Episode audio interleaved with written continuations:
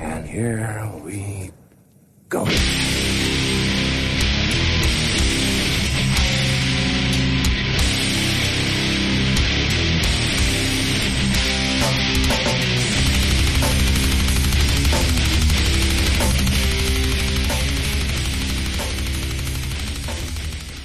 Sådär, Nere på noll är tillbaka. Allt är som det ska.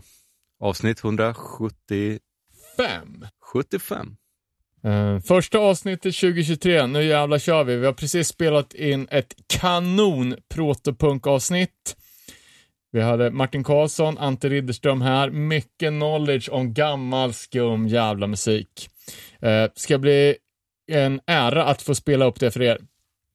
Uh, vi ska som vanligt gå tillbaka till lite feedback och gå igenom uh, lite hänt i veckan, grejer som kommer. Vi märker ju att vi har ju varit bedrövliga på att kolla feedbacken. Vi har fått skitbra feedback från MMA-avsnittet som var grymt länge sedan. Uh, men vi tar det i alla fall. Från Viktor Tuts. Uh, fan, kul avsnitt. Uppskattar det verkligen. Och visst, det finns definitivt förgreningar mellan MMA och hardcore. Jag minns i alla fall att på 90-talet tape-tradade vi VHS-kassetter med hardcore-folk. Eh, griniga VHS-inspelningar av UFC, Valetudo. Eh, och eh, Shuto-instruktionsfilmer. Eh, bland annat. Men det dog väl ut när internet gjorde genomslag, men det fanns där. Fan, ett sidospår, men eh, kommer du ihåg, eh, jag har varit på hardcore-gigs där folk har handskydd. Ja, ja, för fan. Eh, en uh, utslagen tand får man ju betala själv, så det måste man ju ha. ja. Um, jag har även varit på hardcore-spelningar när folk hade, vad heter det, så här, linder På händerna. runt händerna. Det var för en lite mer ignoranta motions tid. Uh, tillbaka till feedbacken här då, som var ganska kul. Eh, värt att nämna är en av pionjärerna och kanske även den fulaste fighten i MMA-historien. Uh, är den uh, europeiska MMA-fighten Dirty, uh, Dirty Rob Schreiber, som en gång i tiden var gitarrist i legendariska Jesus and the Gospel Fuckers. Just det, de ja. Uh, som efter hans avhopp blev Agent Orange. Uh, Likaså värt att nämna är det horribla MMA-klädesmärken Affliction, som är skapat av Courtney DeBar, det vill säga Pat DeBars brorsa. Fan, jag trodde det var ganska stort. M möjligt. Uh, och uh, Courtney gjorde även Orange, eller Uniform Choice merch. Uh, back in the days. Eh, klädesmärket gjorde dock MMA en otjänst genom att locka till sig tusen anabola kukar utan någon bakgrund i tidigare kampsport som svärtade ner MMA under en lång tid. Precis när fördomarna hade, hade lagt sig så kom Affliction-mupparna. Eh, tack för det, det var ju uh, jävligt eh, knowledge och rolig eh, feedback. Sen fick vi också extremt mäktigt från Per X Berg som lägger upp ett klipp på när han går in till en shootfighting match ackompanjerat av Blood for Blood. Klassiker. Blir man inte peppad på att slåss utan... Fan, hade, hade ni inte någon på Instagram nu när Stigma var inne i, det var wrestling kanske? Ja. Ja, exakt. Det kommer ju upp mycket bättre footage på det lite senare. Jag, jag fick bara en, en, en grynigt klipp tillskickat från Jan. Uh, men det fanns ju bättre rörligt på och uh, uh, Winnie Stigma har ju då blivit uh, wrestling promoter och i för, sin första match så gör han någon typ av stage dive slängning men man ser gubbfan åka i backen lite hårdare än det var tänkt. Och som vi skrev, liksom, karln är 67 bast. Liksom. Eh, still going strong. Ja, och eh, passa på att tacka också för alla årslistor som skickades in. Vi fick ju jävligt många fler än vad vi han eller slash orkar att lägga upp eh, på Instagram. Det varit lite mycket där. Eh, sjukt kul att folk delar med sig. Man plockar med sig en del eh, bra tips på från folks listor. Eh, och hoppas att andra fick bra tips också. Eh, grejer som är på gång nu då. Eh, vi ska spela skivor DJ-kollektivet nere på noll är tillbaka.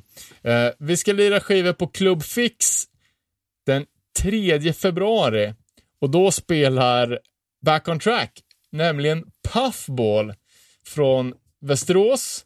Är det inte från typ Surahammar eller Ja, det kanske med.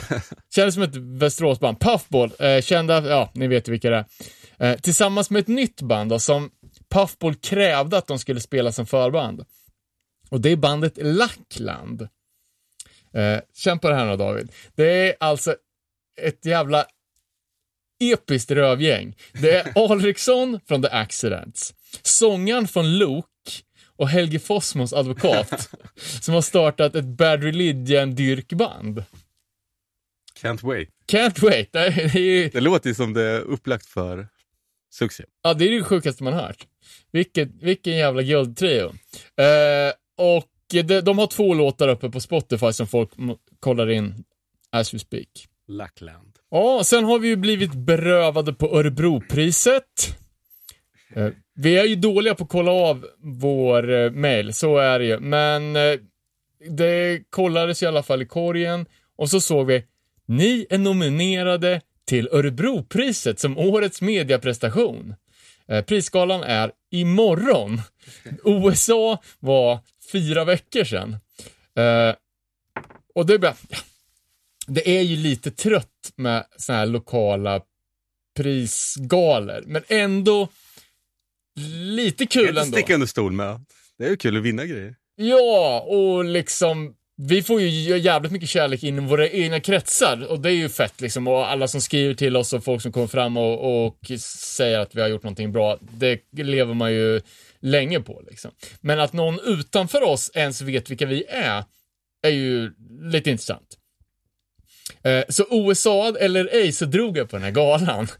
Eh, och så började jag kolla liksom bara, vilka är de andra som är nominerade? Det var två andra lokala poddar. Eh, den ena podden hade lagt ner, så de räknar jag bort direkt. Eh, och sen så var det då fotbollspodden Gamla, Gamla fina fina Örebro. och inget, inget ont om dem, jag vet att, du, att det- ni håller på samma lag och det gör väl jag också. Men jag tänkte bara rent volymmässigt. För de här rackarna, de har inte släppt ett avsnitt, sen, de har gjort ett avsnitt sen i april. Och de finns bara för patrons bakom en betalvägg och det, de har 216 betalare. Då. Bara, Det här är ju inte, alltså det är fysiskt omöjligt att vi som har harvat på med det här nonstop gratis i nio år. Vinnartalet var skrivet. Ja men vad fan, vi måste, vi kan inte... Deras tystnad kan inte vara bättre än vårt innehåll. Speciellt inte ett år när vi har blivit så jävla uppmärksammade i kultur, alltså DN Kultur, det är fan den finaste kulturspalten i hela Sverige. Det var Kulturnytt. Jag tänkte bara, vi kommer för fan vinna det här. Fan vad sjukt. Bara, jag, jag, jag liksom börjar skissa talet på servetten.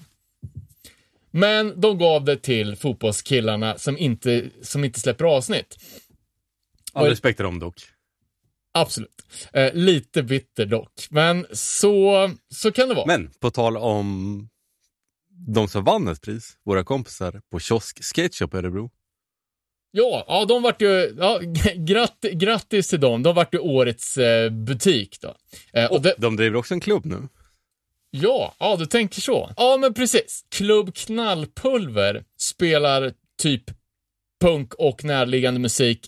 Är det en gång i månaden? Oftare? Tror att nästa är 28. Vi var ju där på första, första kvällen, då, då var det ju även ett utlovat punkquiz. Eh, var, var, vart det inte så jävla mycket punk i Inte mycket quizet, punk. men mycket quiz och det var jävligt kul. Eh, 28 januari kör de nästa gång, det är på Pitchers övervåning.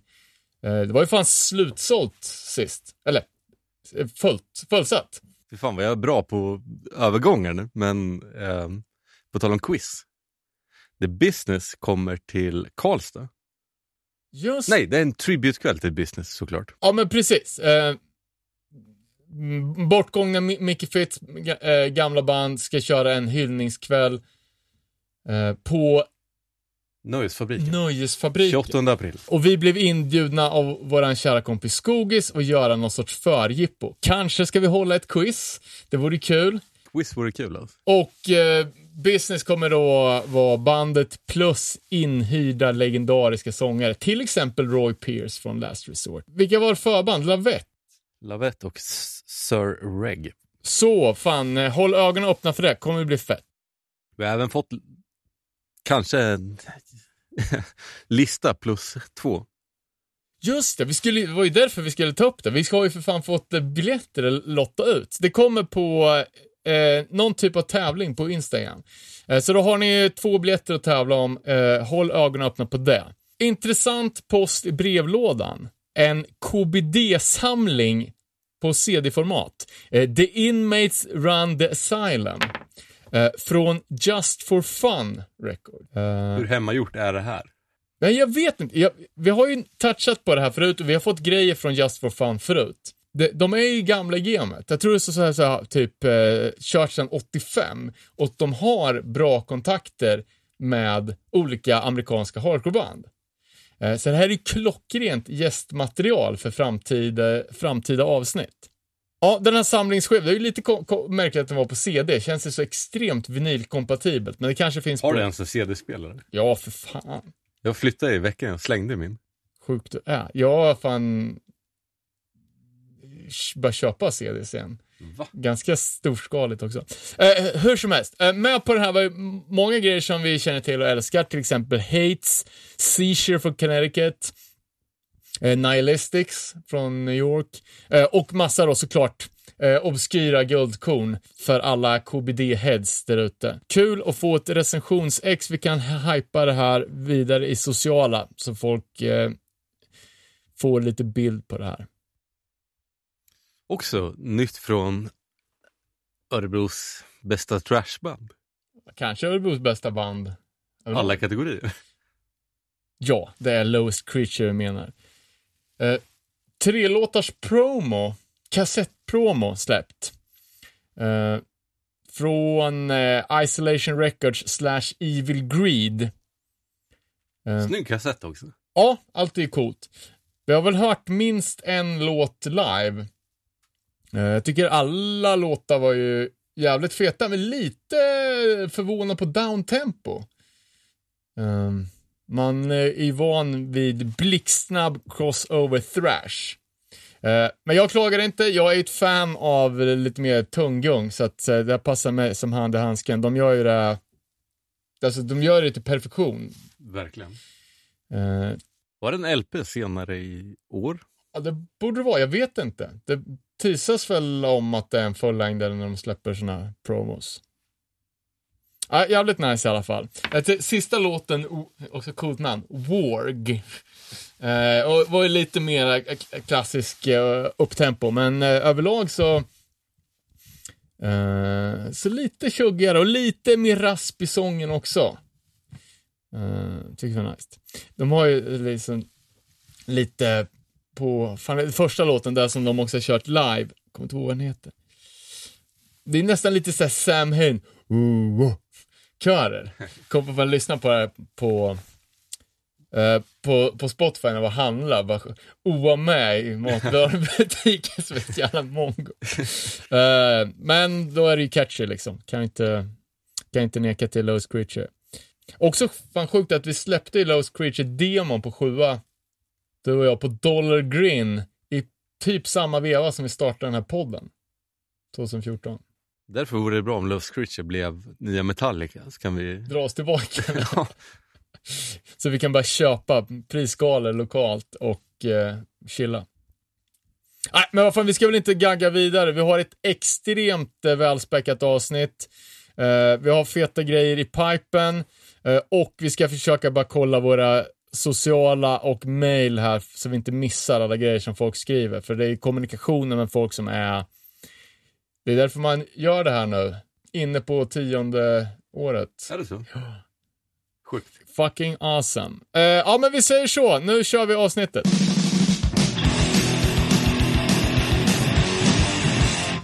Alright, då ska vi gräva oss bakåt i tiden och snacka protopunk. Eh, roligt initiativ av dagens gäst, Martin Karlsson, som eh, skrev till oss 2019 och föreslog det här ämnet. Och vi har inte riktigt fått till det förrän nu. Eh, kul eh, eh, meddelande på Facebook. Jag har semester och har eh, dödat lite tid genom att lyssna på er podd. Eh, jag började som tioårig hiphoppare i Skövde och sen kom jag in på hardcore punk. Ni borde ha ett avsnitt om prepunk. Eh, töntig benämning, eh, men eh, den punken som fanns var 56 till 74. Eh, Ja, något, något i den stilen. Sen då kom det, det som var det roligaste av alltihopa. Det var ju uppföljningsmejlet då. Uh, sorry grabbar, jag hade petat i mig några öl skickade iväg det förra meddelandet. Eh, 56 kanske var lite överdriva, men i alla fall mycket brötig rock från 60 och 70-tal. Och det är alltid kul när folk hör av sig. Och det är ännu roligare, det händer ganska, det har hänt ett par gånger att folk hör av sig och rättar sig själva för att de skriver saker på fyllan. Eh, men nu är det fantastiskt att eh, du är här, att vi fick till det fyra år senare. Tack så mycket. Och det här börjar ju lite illa eftersom jag inte är jättestolt eh, över det där meddelandet eftersom jag kanske hade druckit några öl. Nej, men saken var väl som den att jag hade börjat lyssna på er podd under, under en, eh, några semesterveckor där och, och tyckte att det var kul att liksom, få lite lära sig mer om, om andra typer av punk och hardcore eh, än det som jag varit inne på. Och, men då tycker man ju alltid ibland när man hör diskussioner, det kunde vara, jag vet att något program där Ramones diskussion om att det var eh, Johnny som var, nej att det var Joey som var republikan och sådär. Och då ja, tänkte jag liksom att äh, men det finns lite där, så här, lite luckor, precis som att jag har massa luckor.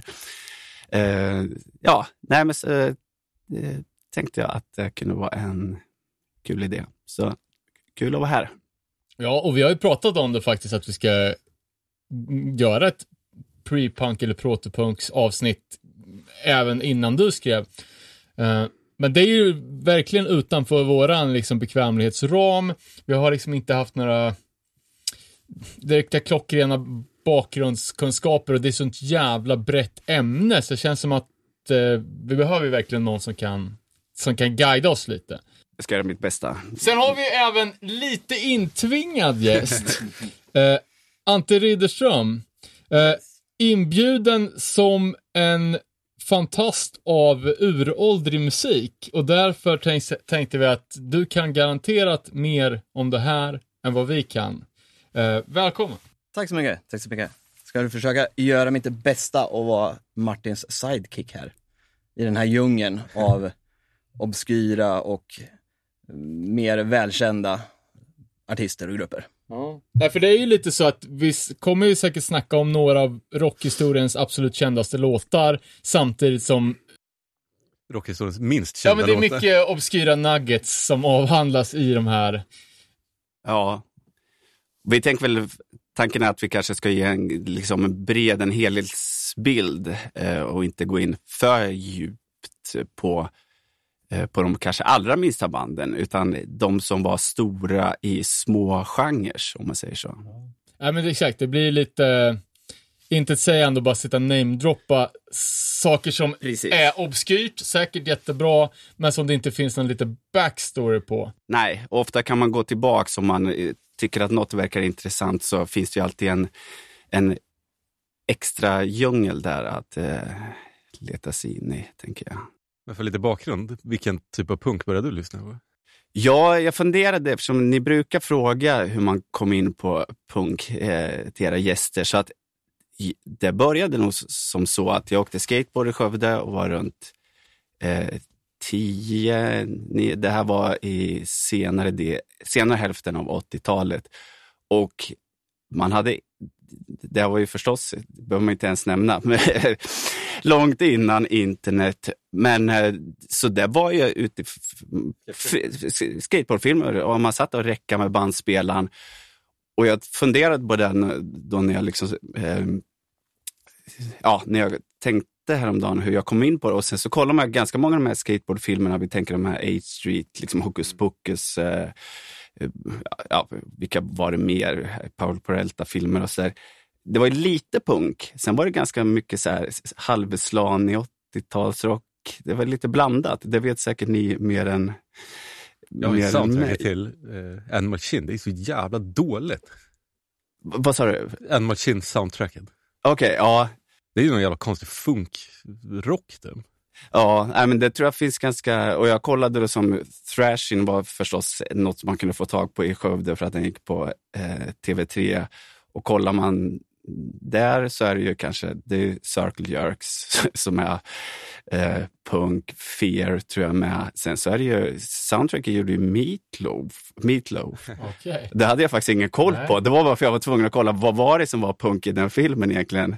Eh, och Meatloaf, han känns ju varken skate eller punk liksom. Eh, nej, men så det var väl där jag kom in. Sen flyttade jag till Örebro när jag började högstadiet i sjuan. Eh, ska vi inte stanna i det, men så lärde jag känna en kille som heter Thomas Hägg. Hans brorsa spelade i eh, Shakers Rebeller. Så det var ju bara att gå in på hans rum och kolla på väggarna där när han, när han inte var hemma. Ehm, ja, och det, där var liksom väcktes intresset för ja, men Misfits och, eh, och så vidare. Ja. Och sen har jag gjort massa annat efter det. Ja, nej men för vi har inte träffats annat i, än eh, när vi bestämde det här avsnittet på krogen. Nej, Eh, men eh, känner i alla fall till det liksom som mus- musiker och liksom en av de här bakåtsträvarna i, i Örebro. Eh, kom ihåg, det var ju runt millennieskiftet liksom när våran eh, hardcore-scen, vi var väl 10 pers vid sin prime. Vi började tappa en, en efter en och folk började intressera sig för andra grejer. Och då var ju den här retro-grejen jäkligt stor. Först med norrsken, som, som den Black Sabbath hårdrocken och sen kom ju även liksom garagen då med strollers och road. Men nu måste jag rätta dig, f- förlåt, men vi var faktiskt före Norrsken, så var det.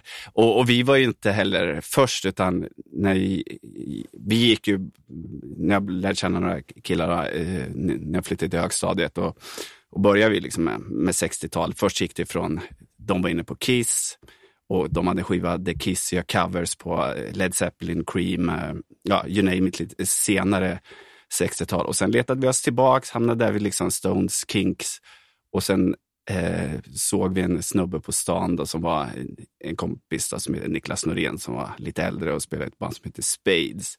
Så de var ju, de var ju liksom retro och så och, och då liksom fick man första gången höra de här liksom, ja, men 60-talsgaragerna obskyra och, och man hade det bara på kassettband så man hade liksom inget begrepp. Man bara, det lät väldigt märkligt och liksom hårt. Vi kommer sen prata om liksom vad som definierar punk. Men jag tyckte att det var, liksom, även om jag hade lyssnat på, eh, ja, men säg Suicidal Tendencies eller Agnostic Front eller något så här innan, så tyckte jag att det här, det här låter jäkligt avigt men bra. Men, men, men, så körde vi på då med ett band som hette Strollers ett tag och, och då Norrsken och de kom ju i samma lite samma vända där, men, och, och vi var ju polare med dem. Så, men, men jag måste nog säga att ja, i och för sig, vi var ganska samma, ja, men ganska samma när jag tänker på det, men, men de var ju mer i, men eh, ja, jag vet inte. Ja, jag skulle vilja säga att hävda att vi var lite före där med retrostilen, även om de gick in med på 70-talsgrejen. Men, men Krille, hade, han var ju skatare och med, med dreadlocks när jag träffade honom. Då, Ja. så. Ja, men jag, jag kommer också ihåg att man tyckte det var jävligt, jävligt de, är jävla, de har inte ens baggy jeans, vad håller de på med? Nej. Eh, men, Tror man inte Krille är ett punkband från Mellös eller något sånt där? Jo, det, jo, men det gjorde de. Ja, Eh, eh, För Matte då, som var i Struggles, de gick på samma sån här, sån här lite för, för ungdomar som hade halkat lite snett på gymnasiet. Så det var mycket sån här spela in konstiga låtar. Men, men ja, visst, jag, nu minns jag inte vad de hette, men eh, Fucking Chaos eller något typ liknande. Så. Så Så band. ja, men det var, det var, och det var liksom punk. Det var punk. Ja. eh, men utan att gå in för mycket på Ja. lokal rockhistoria. Yes. Eh, tidigare nämnda hårdrocksband Norrsken blev ju liksom, det var ju det som blev Graveyard, Witchcraft, Deadman, hela den här vågen som typ tog världen med storm, retro Mm. hårdrocken. Eh, där, alltså, så, så som grinden har eh, liksom eh, typ återerövrat eh, världen via Örebro genom Nasum, Mm. skatepunken via Millencolin, då har vi eh, retrorocken med Norrsken. Var era garageband lika liksom tidiga framträdande på det svenska plan? Var det liksom Örebro garagestaden? Alltså lite, nu vart ju den inte på långa vägar så stora som vi tänker, Norrsken blev ju aldrig stora utan det var ju eh, med Graveyard som det vart stort och, och Witchcraft. Då. Och det var väl liksom att där finns, jag vet inte varför, ett större intresse men absolut inom den här liksom neo-garage-svängen i världen liksom, som är mycket, mycket eh, liksom smalare så var ju ändå strollers eh, relativt stora. Men det innebar ju inte att man kunde liksom åka på turnéer och, och spela för eh, de som... Sen var det ju, får man tänka på att vi slutade ju ungefär innan eh, Graveyard liksom, eller alltså Ja, blev, blev de liksom stora som de kom att bli. Så att, men, men jag tror att då var ju Ja, men Örebro var ju känt för att någon slags retroscen och även om det var olika. Vi var liksom, men, men visst, vi hade ju många gemensamma. Jag tror att vi körde, som körde liksom eh, pentagram, alltså eller liksom Macabre, Be Forewarned. Eh, och jag vet att de, de, de kan säga vad de vill, men jag tror att de stod och, och lyssnade. Och, eller jag vet att de gjorde det. Vi var ju kompisar. Så att, så, men då var det liksom ett bytande med, med liksom, ja, musik och så. Så att, eh, nej men eh, absolut, de liksom stack iväg åt ett annat håll, precis som liksom, vi spelade ungefär samtidigt då som Millencolin som också blev jättestora. Vi, vi blev aldrig, så det var några turnéer, spelade för några, några hundra här och där. Sen så har vi gjort några såna här återföreningsgrejer där det var ganska mycket folk. så. Men äh, jag, jag, jag, jag är nöjd med det. Jag, jag skulle inte orka med det där i livet. Tror inte. Nej, men kan- lite skönt att höra att eh, Örebro dominerar ännu en eh, rockgenre. Liksom. Det var... Ja, nej men eh, garagerocken, jo men då, där var vi ändå stora, måste jag säga. Eh, Sen såg jag även att eh, plattan, eller i alla fall den första LPn, var släppt på Low Impact. Som jag kopplar ihop med Onkel Konkel. Ja, Samma, samma grundare va? precis. Jag vet ju inte vad som är sekretess längre och vad som är släppt. Nu vet jag att han, eh, Det är någon Han- örebroare väl? ja, och, ja, jag träffade honom inte för länge sedan och visste väl inga hemligheter. Det var ju några av dem som sen hade low impact och de fick ju in ganska mycket pengar på eh, Onkel Konkel. Så eh, utan Onkel Konkel, inget, inget strollers, i alla fall inte på det bolaget. Och vi fick ju äran att träffa honom några gånger, eh, ja, vid olika tillfällen. I, inte liksom någon jä, jätteimponerande karaktär sådär, utan han, han använde nog liksom sin eh, sitt till, att- till att skapa det som han gjorde. Så att säga. Men, eh, nej, men så var det, det stämmer. Ja, men det är jävligt mäktigt. Um, nej, men jag tänker bara lite inledning då till dagens eh, uh, protopunksavsnitt. Uh, eh, jag, jag tänker väl att det liksom de flesta är väl intresserade av hur saker och ting uppstår. Alltså gillar man någonting så vill man gräva, gräva sig bakåt. Det Absolut. människans natur. Och vi sa ju det lite till att vi ska försöka kanske inte få det här till en tävling i vem som kan hitta äldst och obskyrast grejer, för det blir lätt så liksom. Eh, och det är ett ganska svårt uppdrag vi har tagit oss an nu för att det är så pass brett. Vi, vi kommer prata om liksom olika genrer från kanske krautrock till surf eh, och plocka upp eh, olika element som sedan eh, har liksom karaktäriserat punken. Så att vi har ett väldigt brett eh, spelfält framför oss med, med grejer man kan dra ifrån. Men du har ju med Ante har en, en liten lista, du har en väldigt stor lista. Kan du inte Ja. bara berätta hur du har tänkt hur du ska organisera upp det här? Ja, precis. Dels, vi bollade ju lite då idéer som du skickade och jag tänkte att vissa delar som faktiskt kanske har påverkat det som vi tänker att vi är på väg mot 76-77 nu. Det är ungefär där vi kommer landa. Eh, och jag kände att vissa saker som jag inte har direkt så bra koll på kanske man lämnar, för annars kan man lika gärna googla om man inte har lyssnat på det eller kan förklara det.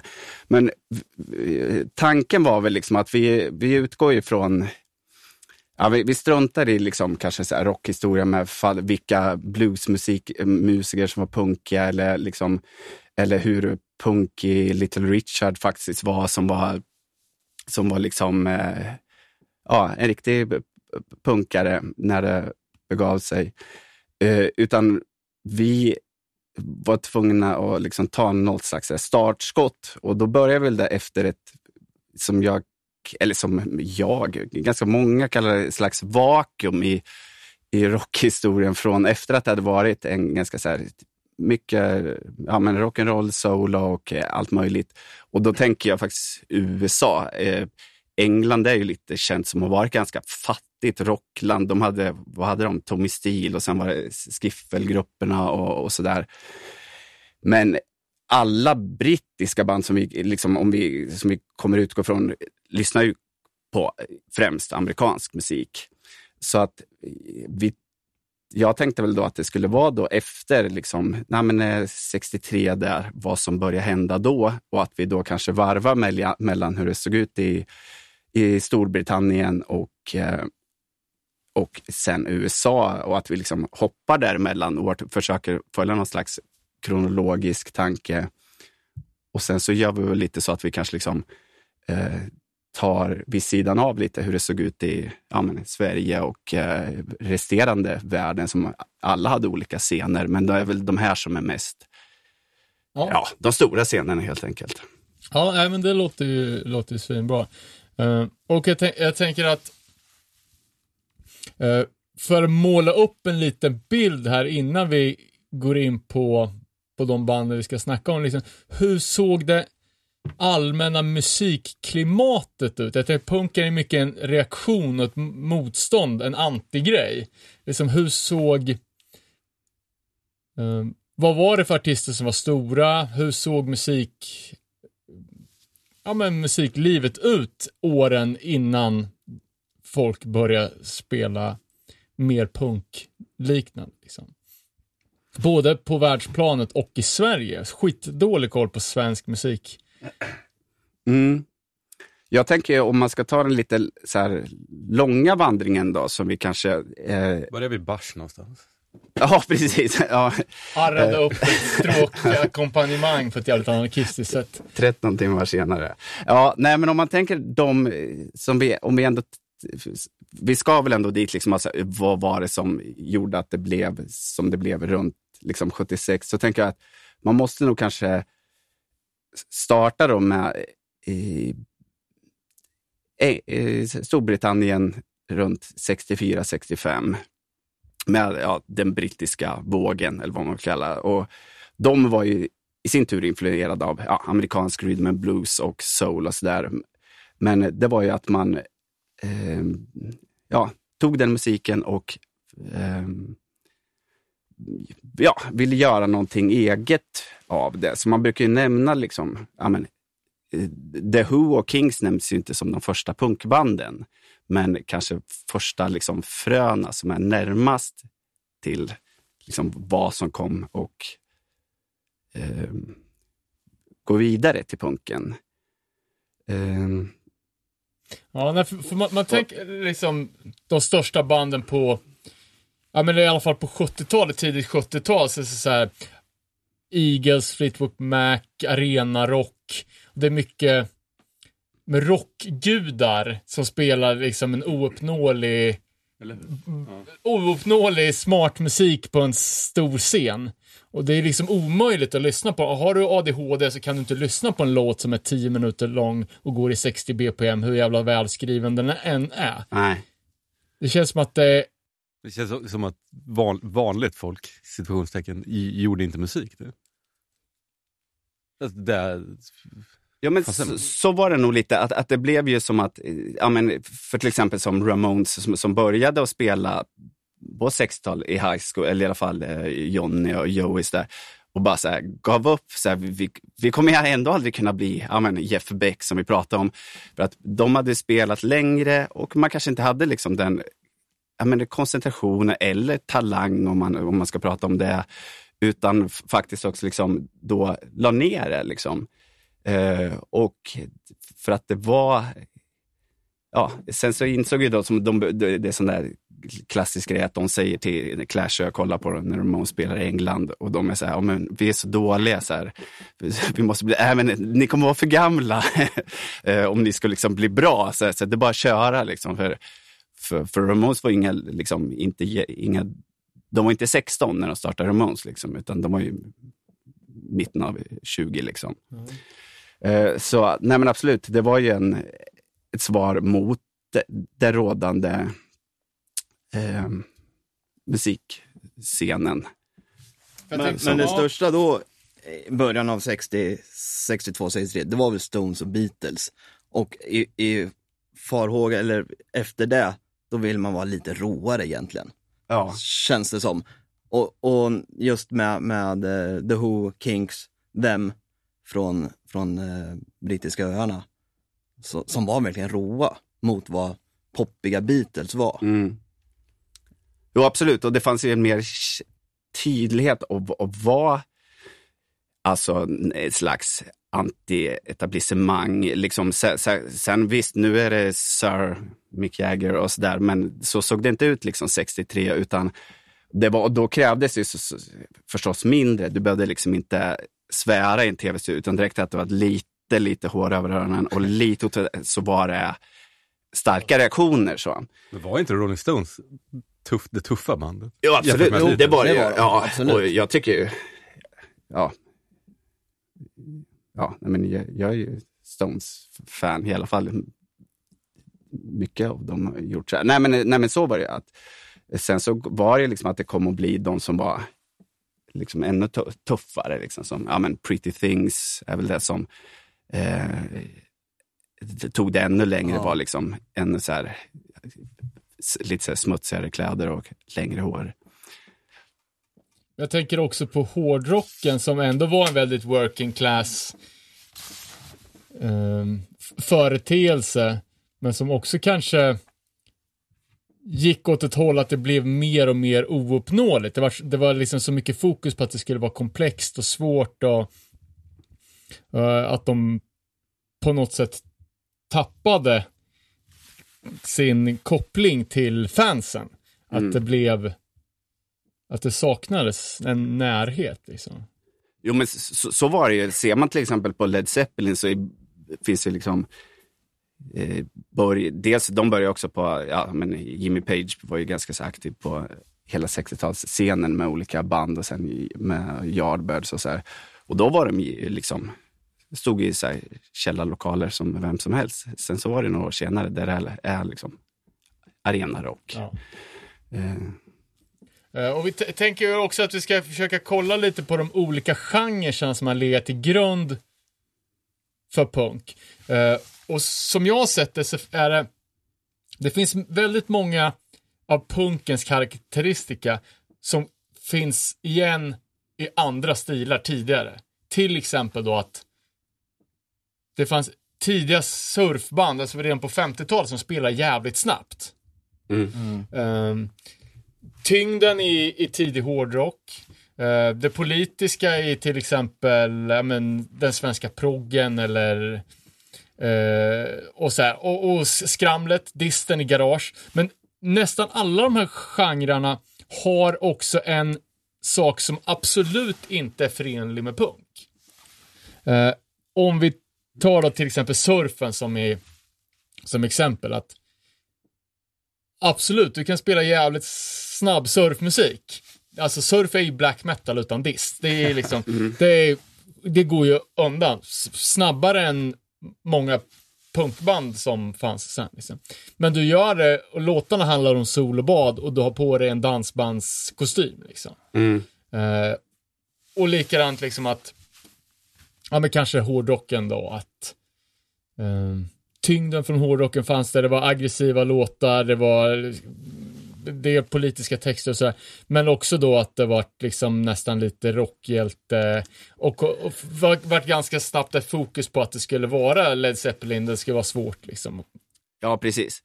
Eh, jo, men så, så är det. Men för det är också om man ibland så här försöker det här med att man ska definiera punk. Om man, tänker, om man, om man liksom googlar punk så står det att ja, det ska vara aggressivt, eh, högt, eh, primitivt och så här. Så finns det ju alltid liksom massa man kan beta på som, ja men det stämmer inte in på det, eller det stämmer inte in på, på det eftersom punk är ju också relativt så här, brett begrepp.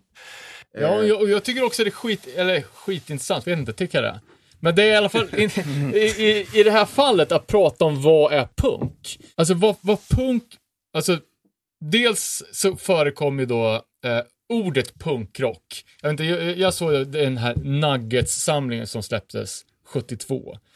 Eh, beskrivs ett av banden är på den kompen som punkrock. Och den är, det är liksom, i alla fall tre, fyra år innan, innan Punk Magazine kom och Ah. långt innan den första punksingeln släpptes. Men, men det där är tvistar de lärde eller vad man brukar säga om. Det finns hur många band som helst som påstår att det var först liksom när det var recensionen av dem där man använde punk och då, Ja, okej. då är det liksom 60-tal. eller Så, här. Okej, ja. så att, men absolut, eh, så att, och liksom vissa som, som som liksom Punk Magazine, Legs McNeil då, som sen gjorde Please eh, Kill Me och så där, hävdar ju liksom att men ja, den, det, man ska nog inte ta gift på vem som var först med, med liksom benämningen punk inom musik. Liksom.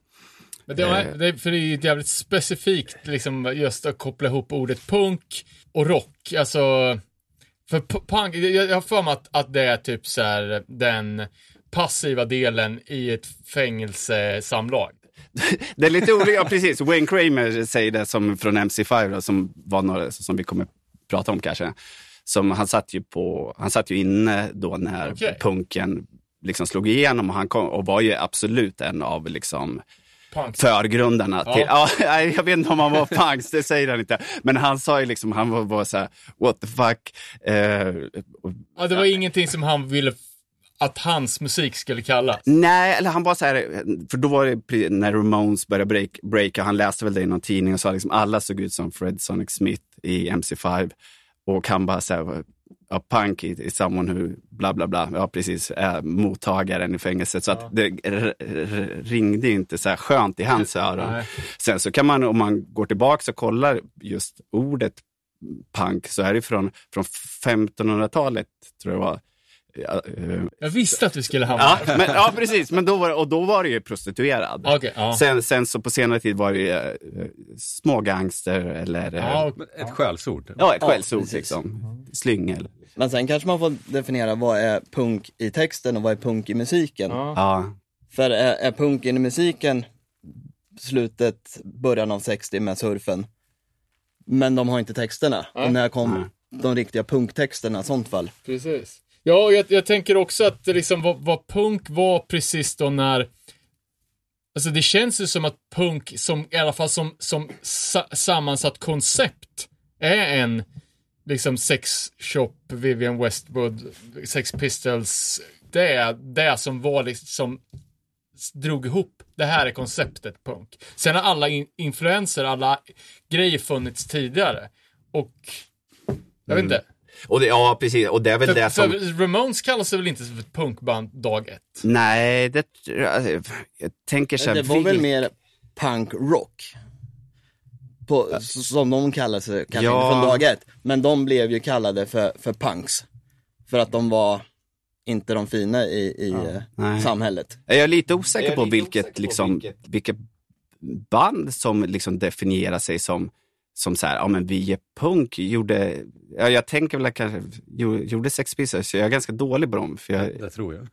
ja. Och då var det väl Malcolm McLaren som liksom tog, eftersom det var väl han lite som Ja, ja var, det var, var, så här, det, marionettledare. a- absolut. Nej, men så, och, och just det känns ju inte speciellt intressant. Alltså, det var ju mycket en, en modegrej, liksom en trend.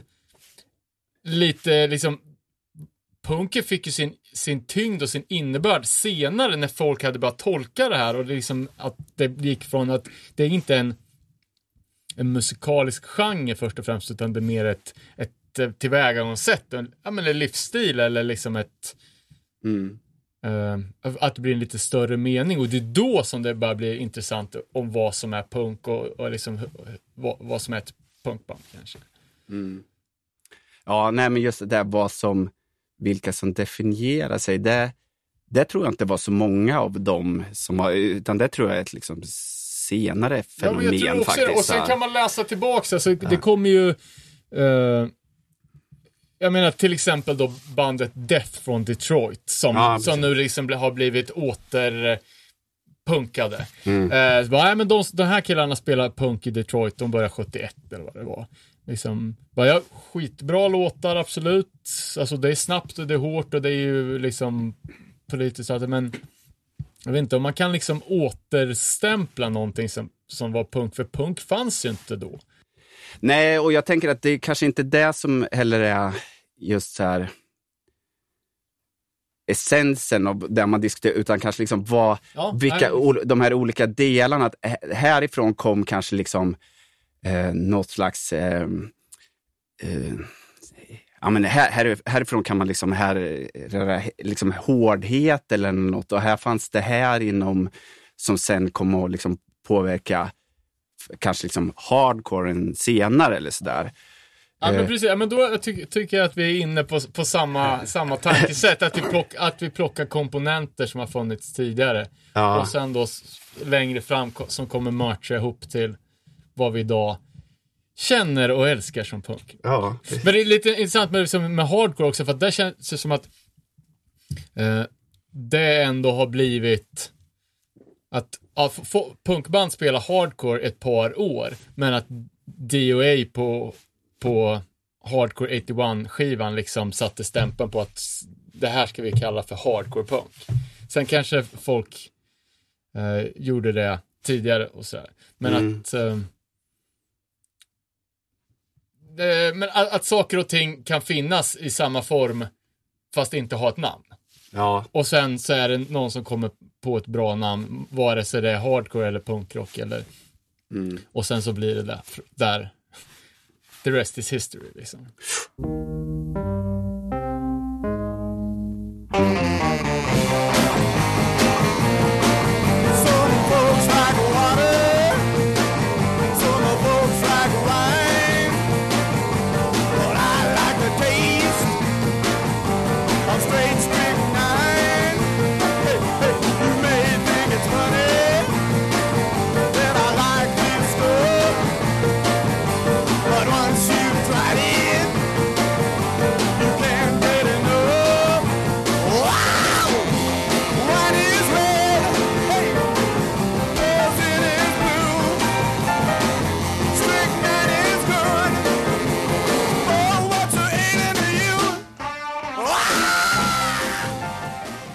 Ja, men om, om vi börjar, Ante, det första. Du som gillar gammal, riktigt gamla grejer. Eh, alltså, re, runt 50, slutet av 50-talet, 57, 58 eller något sånt där, det var ju Screaming Jay Hawkins som var punkutstyrslad med piercing genom näsan med ben och hans skrikiga attityd på scenen la ju grunden till eh, 60-talsgaragen sen, i varje fall. Ehm, Jag tror att man sticker ut duktigt om man har en eh, piercing på 50-talet. Ja, precis. De eh, börjar väl gigga tillsammans sen. Det gjorde de säkert. Han, han hängde på ganska många eh, på, på senare år. Ja, men att ta den här rockabilly-bluesen åt mer eh, punkigare hållet. Och sen hans eh, scenshow till eh, monsterrocken, Alice Cooper och, och de akterna har ju varit väldigt inspirerade från Screaming Jay Hawkins skulle jag kunna tänka mig i varje fall. Eh, för han har ju den där I put a spell on you som är superduperkänd. Eh, som en hitlåt, men hur... Alltså det känns, jag har ett väldigt dålig koll, men bara känslan jag får är att det var mer av en liksom en Kalla det performance, att det var liksom Showman. Ja, en showman, inte kanske en skivartist, utan att det var ett Ja, det skulle jag kunna tänka mig. Det var ju säkert utan dess like coolt att se honom uppträda med, med den scenshowen. Ja, man, man Och- tänker att... Var han en riktig jävla dåre eller? Han, han var, jag, jag, tror att det sa, jag tror att han hade 56 barn. Alltså, jag tycker att det talar lite för en, en, en viss här, dekadent livsstil eller något så här. Eh, och, så visst, och han gjorde ganska mycket skivor och, och det var ju det var ju inte bara liksom en, alltså det var ju teatralt och han gjorde en grej av det, men det finns ju mycket bra låtar och Det så. finns Liksom. jättemycket bra låtar Så också. att det är ingen det. liksom sånt Ah, där novelty act. Liksom, nej, utan nej, det var lite det Och det är bra. Put a spell on you blev Ja. ju bannad på amerikanska radiostationer. För att den var för kult. Ja, typ. Och, och det här är ju Det- typ i samma veva som att typ husmödrar svimmade för att Beatles hade hår över örsnibben. Liksom. Ja, det här är ju tidigare. Så. Ja, det är ännu Lite tidigare. tidigare. Men han var inte på tv så mycket kanske. Ja, det var ju för att det inte fanns en tv. nej, nej, knappt där. Eh, Nej, för det är också, jag, jag gjorde en liten snabb sl- slagning liksom på vem som var först med, med att skrika i musik. Eh, och då kom ju Scre- Screaming Jay Hawkins med då såklart. Eh, och även eh, Little Richard i Tutti Frutti, att det är Ja. lite antydan till skrik. Men man kan Det, tänka... jo då, han skriker. Jo, bra. men om, man- om man jämför med liksom, eh, inte vet jag, black metal-sång från 90-talet så, så känns det ju väldigt städat. Men om man å andra sidan jämför med allt som kom innan så är det ju helt jävla sjukt hur, hur liksom Ja men hur, hur eh, stökigt det är. Mm. Och det var ju liksom på, på 50-talet. Och, ehm, ja, men bara ett, eh, ett sidospår, att det fanns ju stök jävligt tidigt kan man ju säga. Det gjorde du, absolut.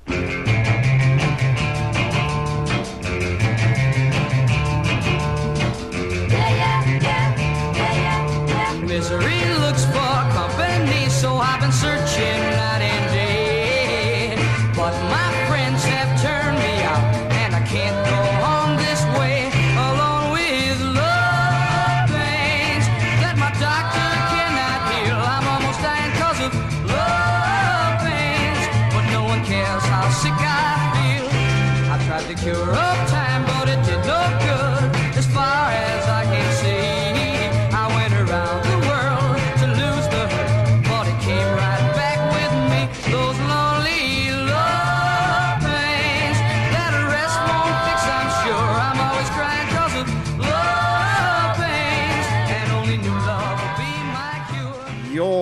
sen har vi metal-legenden Ronnie James Dio som var väldigt, väldigt tidig i rock'n'roll-scenen också med hans grupp The Prophets som spelade in ehm, en del singlar, men bland annat Upa Badu.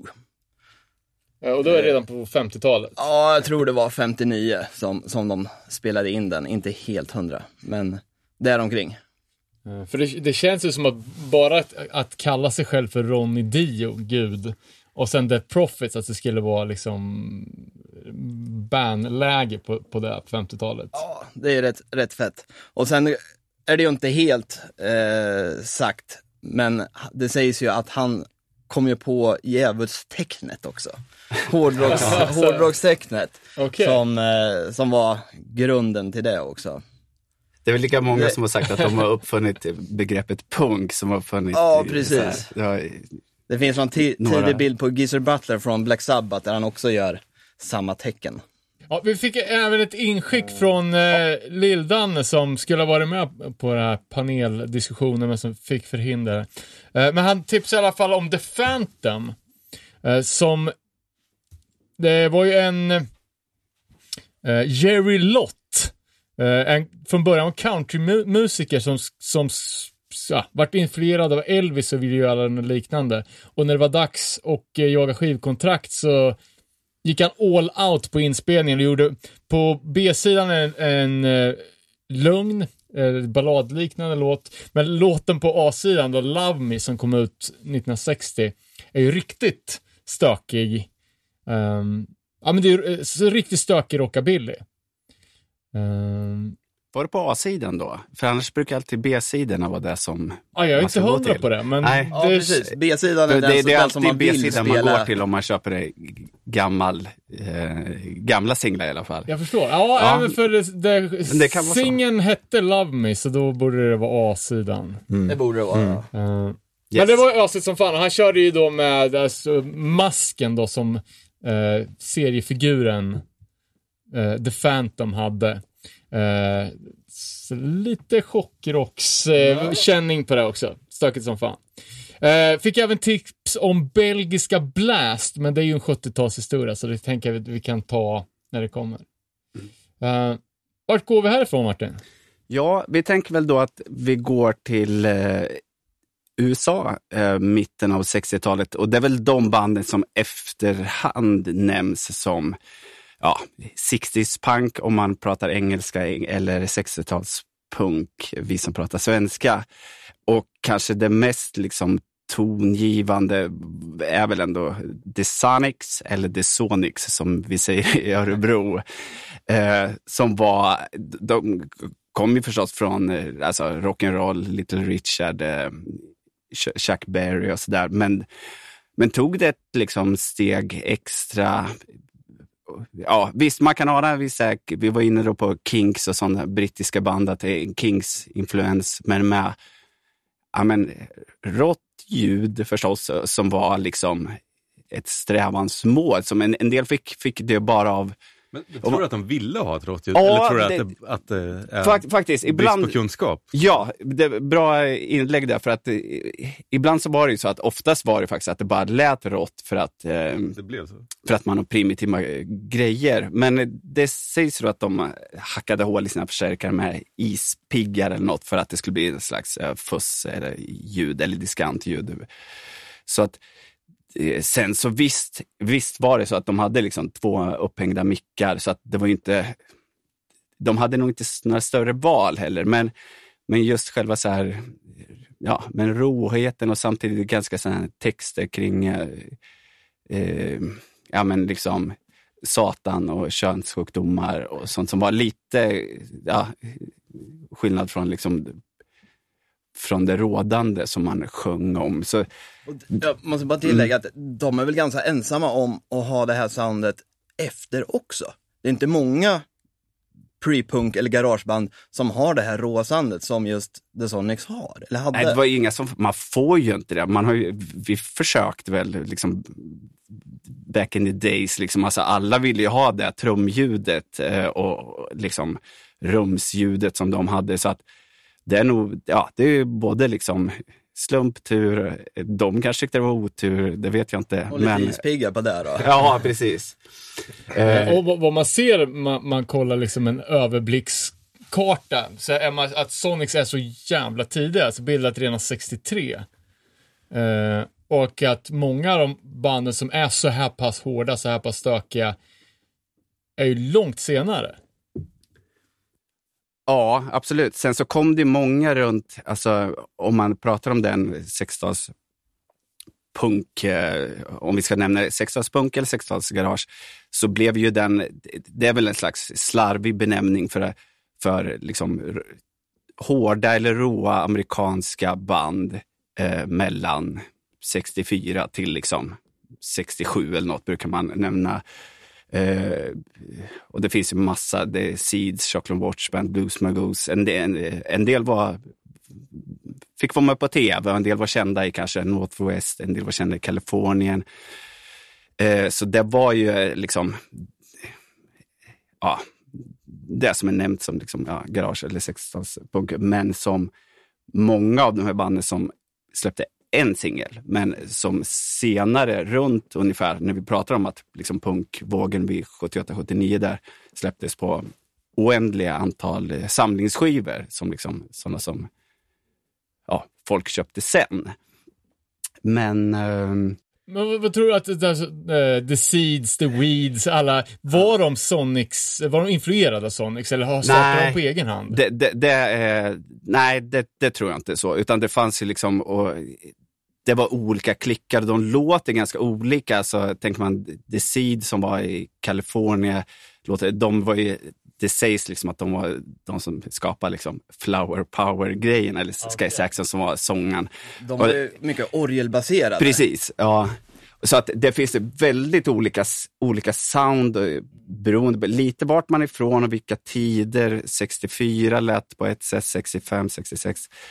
Ehm, så att det var nog bara att det fanns Den gemensamma nämnaren är garage och pre-punk då, typ. För, eftersom de var så- utspridda i hela USA. Ja. Och, och det var garagen som var samlingsnamnet på de Pre- olika benämningarna. Precis, att man spelar i, i garage, då, eller i Ja. alla fall börja. Och var ju förstås liksom, dels influerade en del som kanske Sonics då, eh, av liksom amerikansk eh, rock och, och men, men också särskilt liksom Seeds och, och de som kom sen var, var ju brittiska band som man lyssnade på. Liksom. Eh, Stones, eh, Kings, Yardbirds, Them, ja, you name it. Liksom. Så att det är väl om man ska, ja, man, om man är intresserad av liksom den subgenren inom punk så kan man köpa liksom Pebbles, Back from the Grave. Ja, det finns hur, hur mycket som helst. Det är bara, ja, det är bara att googla loss. Så jag vågar inte säga hur många hundratal det finns. Men, men eh, vi snackar ju om, om eh, skrik också, för det, det känns ju som en riktig Sonics-grej, att det här garage-skriket. Var de först med det? Nej, det tror jag inte riktigt, utan det tror jag finns från, ja, redan liksom, ja men soul, rockabilly eh, och liksom, ja men, eh, mycket rå svart musik kan jag tänka mig. Eh, men absolut, de, de har ju visst, liksom, om man tänker som Jerry Rose liksom sjöng i, i att, att det, han liksom håller i, håller, eller vad säger du Ante, liksom hela, han ligger ju kvar i, i skriket mycket längre. Alltså det finns en liksom väldigt så här, en brutalitet i Ja, sången verkligen. eh, som, som är ganska olik rätt mycket annat tycker Ja. jag. Mm. Ro- Rocky Eriksson fick ju det där också, men det är ju Ja. något år senare ändå. Ja, jag tänker att det är liksom, eh, det är så James Brown som är liksom the skrikare i musik egentligen, är ju också ganska långt senare. Och det här är ju mycket roare också. Men, men när börjar James Brown? Alltså jag, Jag tror det är 70-tal. Nej, 70-tal. det, tidigare är det. Men eh, alltså det är ju 60-tal så. Men usch, det borde man ju veta. Ja, men han höll på ganska bra länge. Ja, Ja. Men just du nämner ju Rocky, så ett, av, ett av de stora liksom, amerikanska garagebanden var ju förstås 13 Floor Elevators som liksom påverkade ja, men, både punk och, och liksom hårdrock Ja. kan jag också tänka mig. Ja. Typ så här, massa alternativ rock. Eh, precis. Men hur, hur, för- Sonics eh, ser ju jävligt coola ut på, på omslagen. De släppte två album för, först, de var 65. Eller ett 65, ett 66 kanske.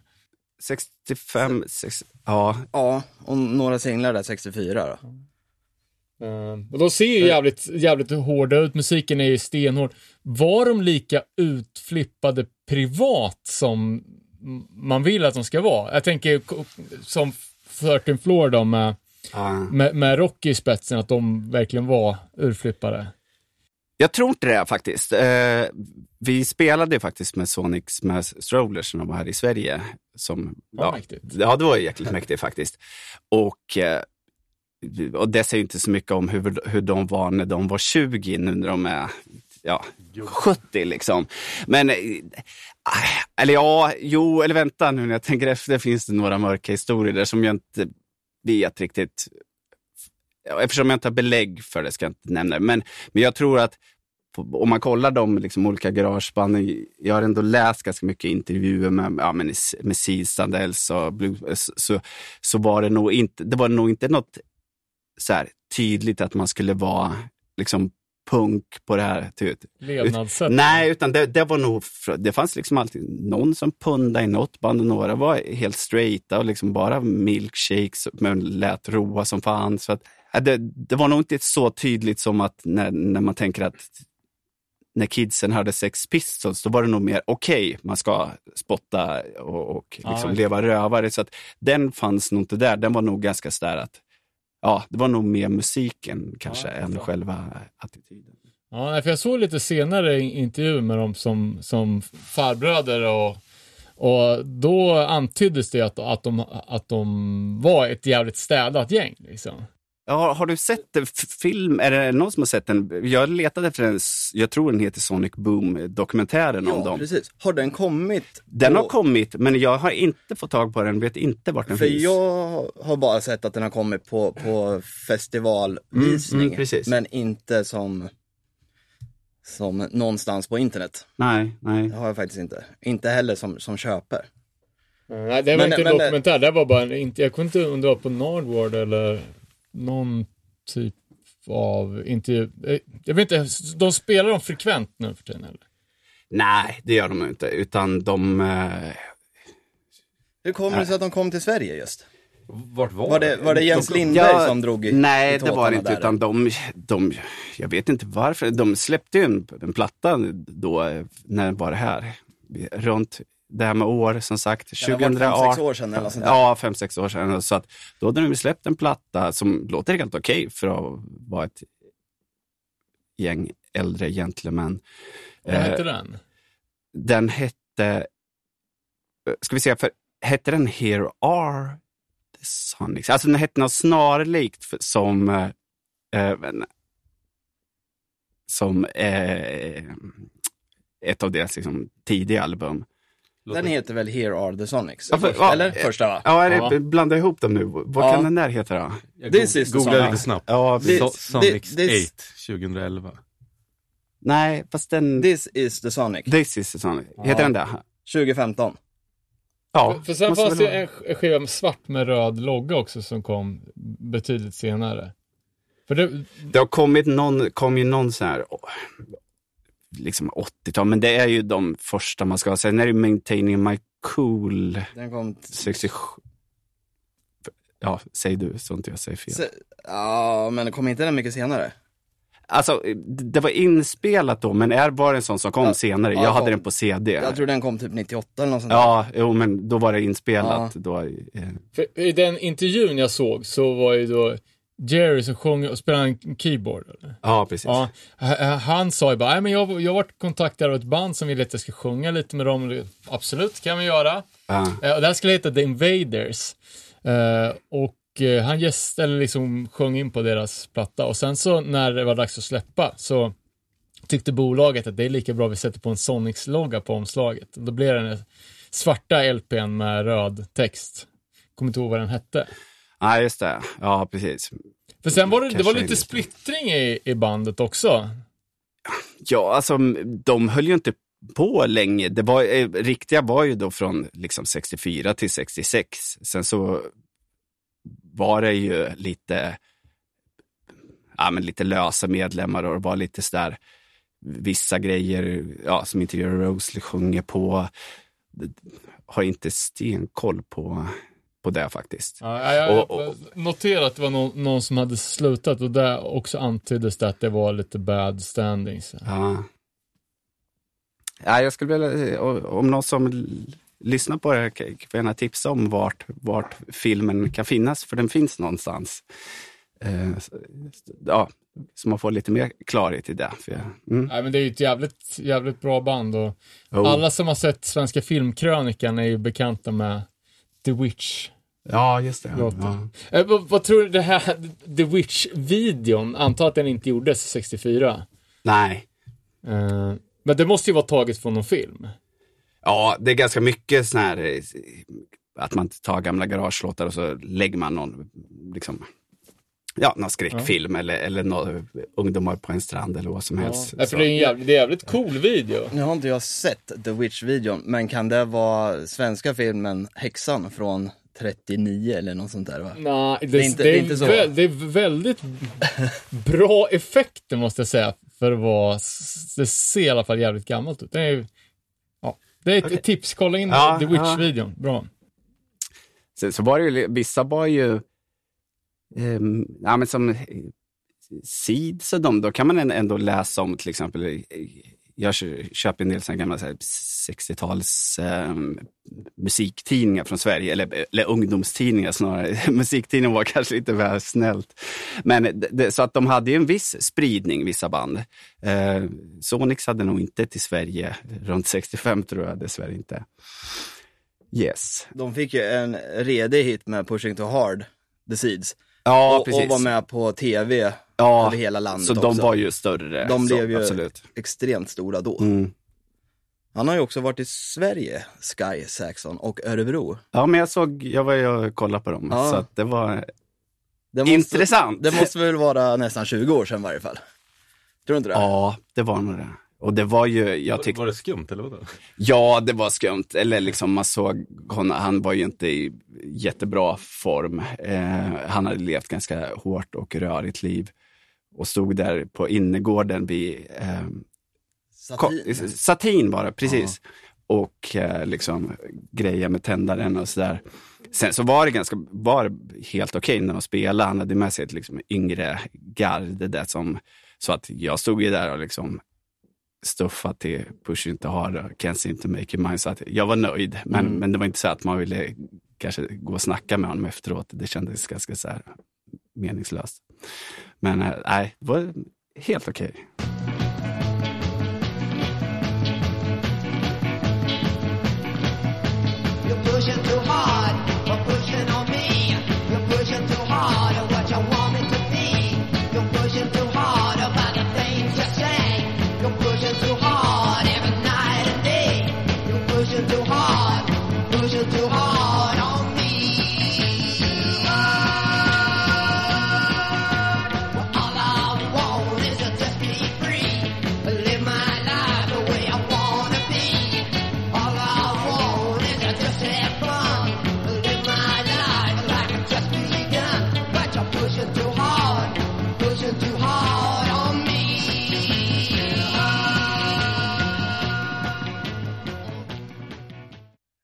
Sky Saxon and the Seeds var ju i Örebro också. Eh, och jag vill väl minnas att han såg ganska gammal ut, ungefär som ett entträd från Sagan om ringen. Sliten? Väldigt sliten. Eh, och sen, då hörde jag några rykte om att han hade levt på någon ö. Det var någon sekt kanske eller något sånt där som han hade börjat på och skapat. Jag vet inte riktigt. Jag tror till och med att sekten gick ut på att man skulle avguda eh, hundar för att han hade fått för sig något så här dog, det är ju, vänder man på det god. Så att eh, det var någon slags hunddyrkarsekt där. Men jag tror inte den var så här jättelångvarig. Sen var han inne i LA och hängde på hamburgerbarer igen. Eh, ja. Ska vi klassa som ett missförstått geni? Ja, det kan man faktiskt göra tycker jag. På, mm.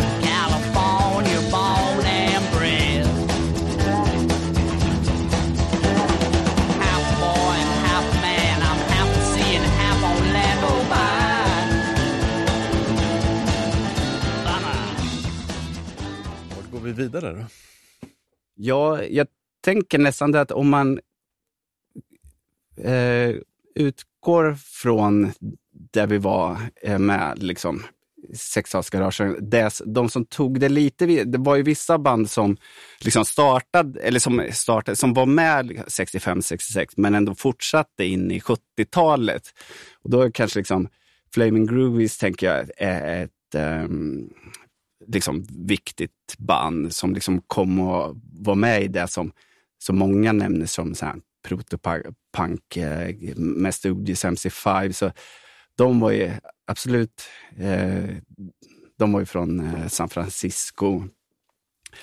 Eh, ja, som smittade av sig där. Och, och sen tänker jag samtidigt kanske till eh, Velvet Underground som också var, när kom första skivan? runt 67, Ja. kanske? 68 någonting? 67? 67, ja, inte senare i alla fall.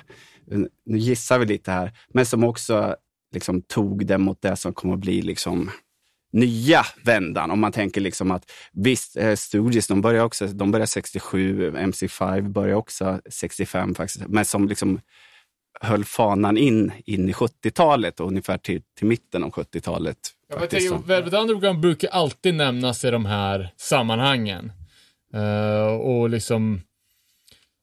eh, ja, inte vet jag. White Light, White Heat har ju inspirerat eh, punkband som, som vi älskar och, och liksom Lou Reed som personlighet och hans liksom ja men normbrytande livsstil liksom. Men jag tänker rent musikaliskt känns det, de har ju skitmycket klassiska och bra låtar, men det känns inte så jävla punk. Det är väldigt långsamma och så här städade låtar, är det inte det? Ja, det var, det var ju väldigt mycket stök, speciellt på, på skivan med Nico.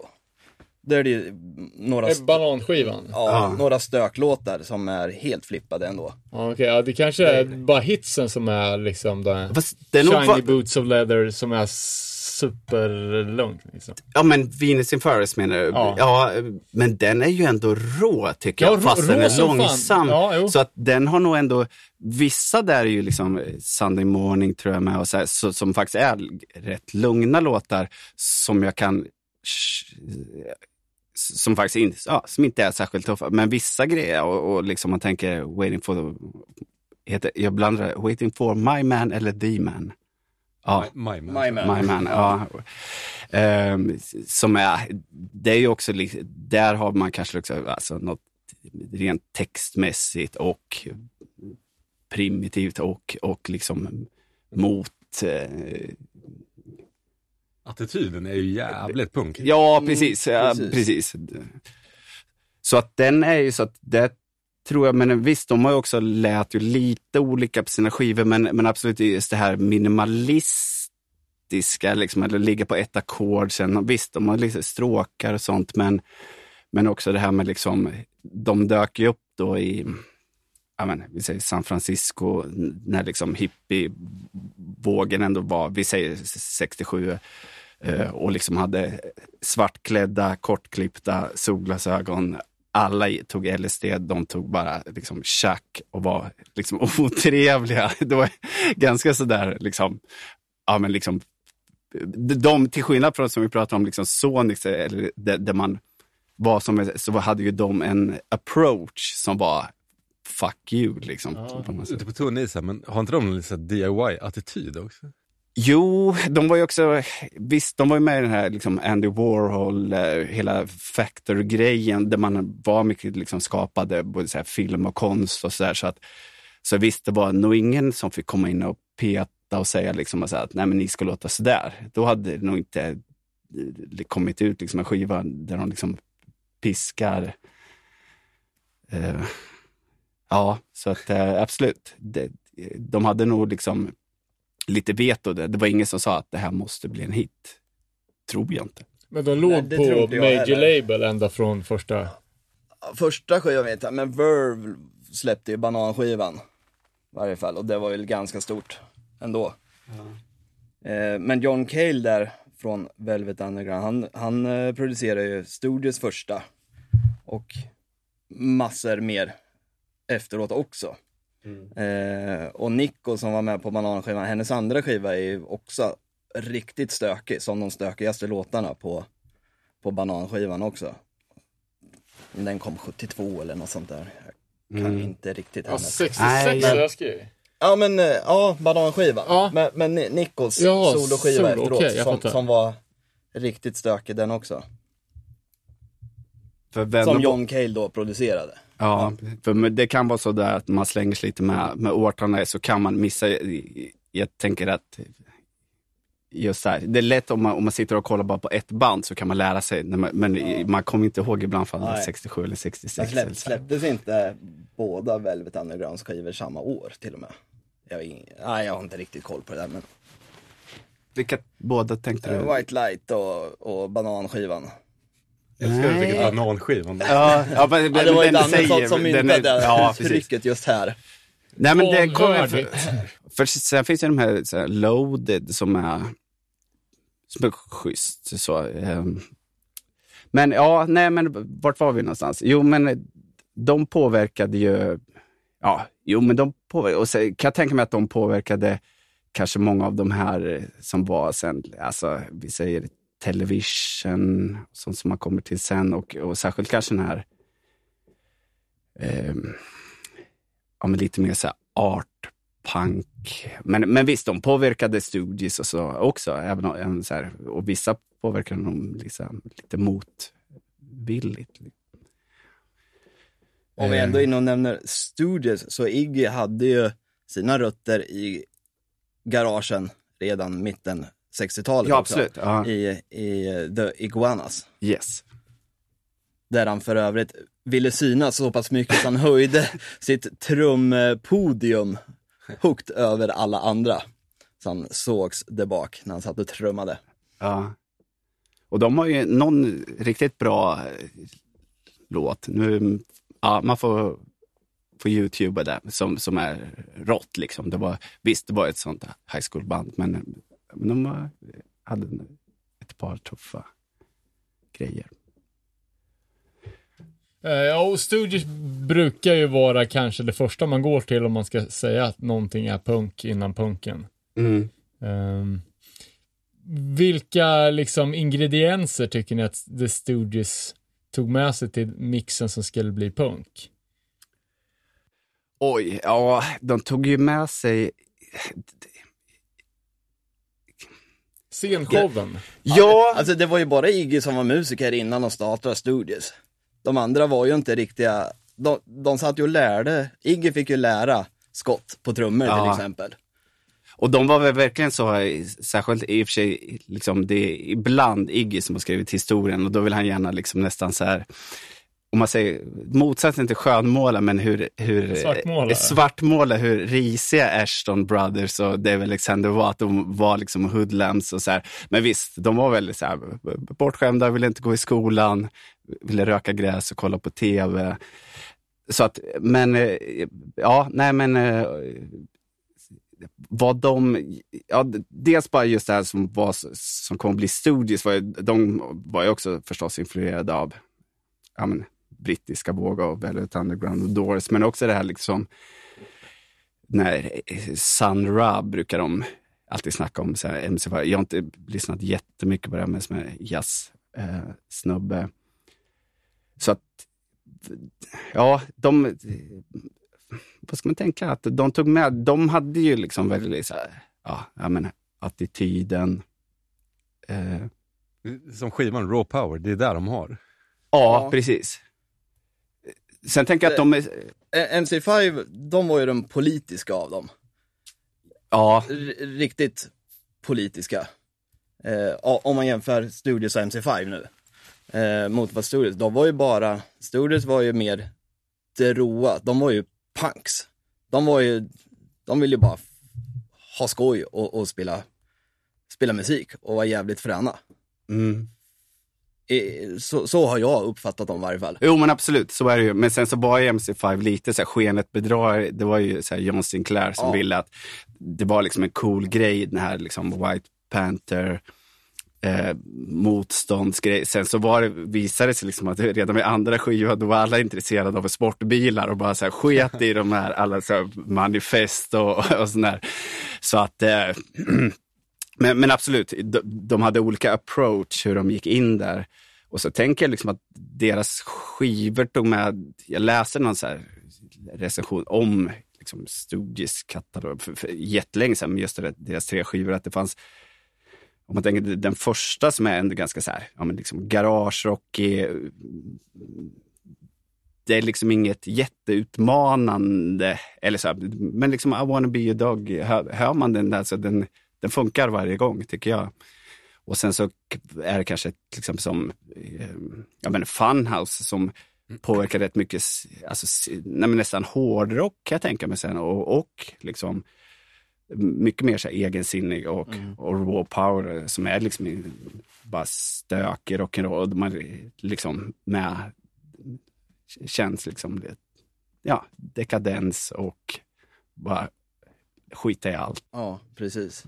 Men om, om man kollar för, första plattan då, så, som, som kom, eh, kom den 69, därav första låten 1969. Då är det, som, Yes. det är ju superhits. Måste ju vara uppe på någon sån här Rolling Stones-lista. Alltså viktigaste skivorna alla kategorier, känns det som. Men det är ju stenhårt. Ja, det, det, jag tycker att det är hårt, men det är ju liksom inte så brut, alltså liksom, men visst, alltså Jag, jag, tycker, på, se- det är slutet på 60-talet. Ja. Ju...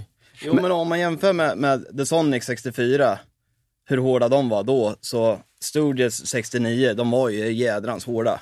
ja, F- för att bryta av den här flower power-grejen med The Stooges. Jo, och så var det ju. Men jag kan tänka att ibland, eftersom nu har vi liksom missar, eller, eller missar gör vi inte, men tar bort lite, om man tänker, det fanns en garage som var liksom 68, där man är ganska nära det som Stordis faktiskt lät, så att, som inte kommer så att Visst, det här var på Elektra, det var på ett större bolag och, och de säger här, det var ingen som köpte skivan, det var bara, bara liksom så här missbrukare, los, losers, eh, hemmasittare eller vad så här, brukar Iggy säga. Liksom, så att, men viss spridning finns det ju.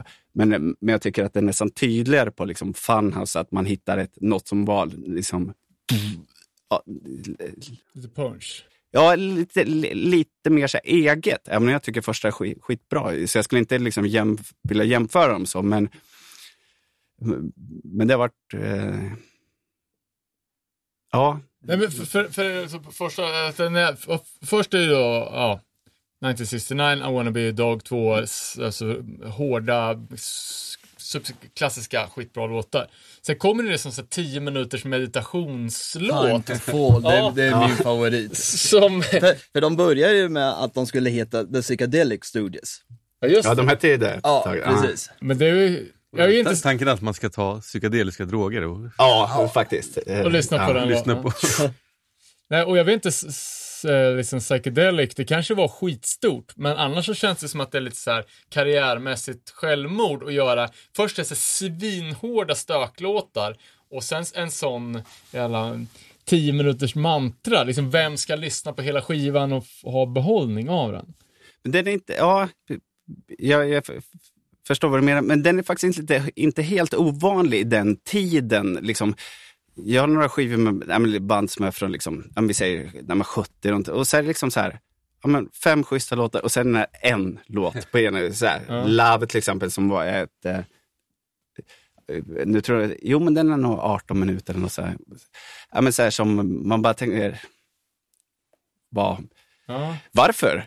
Men eh, jag vet inte vad, vad det. Men det, det är inte helt liksom ovanligt de, med den tiden eh, faktiskt. Och vi, vi har snackat om det liksom vid senare tillfällen, så American Hardcore, att det alltid, eller oftast fanns en Dirge-låt som var liksom så här skitlångsam och sen är det fyra låtar klapp, klapp och sen så be, sista låten på singeln Ja. så är det någon riktig jävla så här begravningsmarsch, tung Ja. och långs, långsam, långsam låt.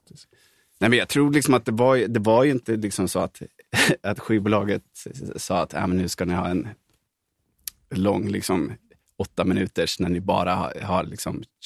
Eller, utan det var att de tyckte att så här, men det här kommer vara bra att röka på till. Liksom. Så enkelt var det nog. Bara, när de spelar in att bara någon börjar med något och så bara Hakar man på. Och sen producenten John Cale, han kanske inte säger så, han kanske inte liksom var inte säger nej, nej tack, utan vi kör liksom. Så att, eh, ja. Eh, och, och, och sen är liksom uh, Iggys scenshow liksom med, ja det är naket och självskador liksom har ju inspirerat det men Gigi Allen, Darby Crash, Ja. alltså många av de punkikoner som, ja, Iggy är väl Mm. själv en punkikon men Jo. eh, liksom det beteendet måste ju ha varit ganska groundbreaking också. Vid det här laget. Ja, han var ju faktiskt, jag vet inte, jo men han erkände, även om han hade svårt kanske för Doors, vissa grejer, så, så är det ju en del plockat från Jim Morrison som liksom eh, körde det här med, ja men, bara överkropp, skinnbyxor, precis. Och den här slänga sig mot micken på magen som man kan se som, precis som eh, liksom Jim Morrison gjorde. Eh, sen så tror jag att det finns viss när scenspråket. Eh, jag tror han pratade i, i den här Gimme Danger om liksom att han, det hade han sett på typ så här, jag vet inte vad, Snurre Sprätt på tv när han var liten. Alltså plockat Ah, liksom från andra grejer. Att, så här, jag menar, att han, ville inte, han ja. ville inte vara som Mick Jagger utan man kunde göra något så här knepigare av det. Att, något slags så här, lite, jag vet inte, från slapstick eller bara så här, du vet, bara så här Ja, det var ju något. röja liksom. Ehm, och sen så var det väl det här med liksom skära sig grejerna.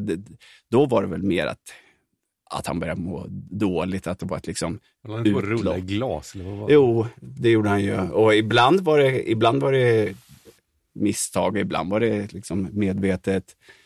Och ib- ibland visste han liksom att, ja, vilken effekt han skulle få av det. Liksom. Vi gick fram till mig så här, så här teeny boppers och så bara skär sig över brö- bröstet. Liksom. Det är klart att det här blir en grej. Liksom, att, så att absolut, han var jättetidig med, med det.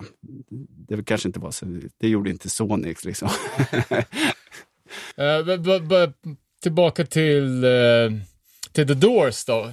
Eh, jag, hörde en, det fanns en, en spoken word, nu, vad heter han, Ray... eh, Manzarek kanske. Ja, precis. Uh, har en spoken word, han be- berättar om, om bandet och sen ganska mycket om deras band som de hade tidigare, han och, och James, som heter Rick and the Ravens. Eh, som fanns, jag vet inte, de släppte i alla fall tre stycken sjuor eh, 1965.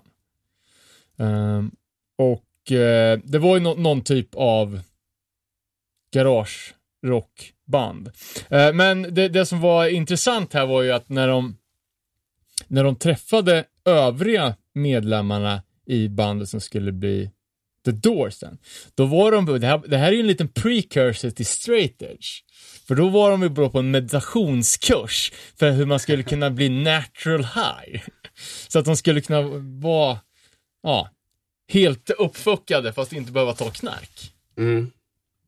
Var eh, inte bara uppfann de punken, eller, eller som, Eh, de eh, la även grund till, till eh, nykterhetsaspekten också. Ja, den följde ju inte Jim Morrison helt, helt rakt ut. Så här.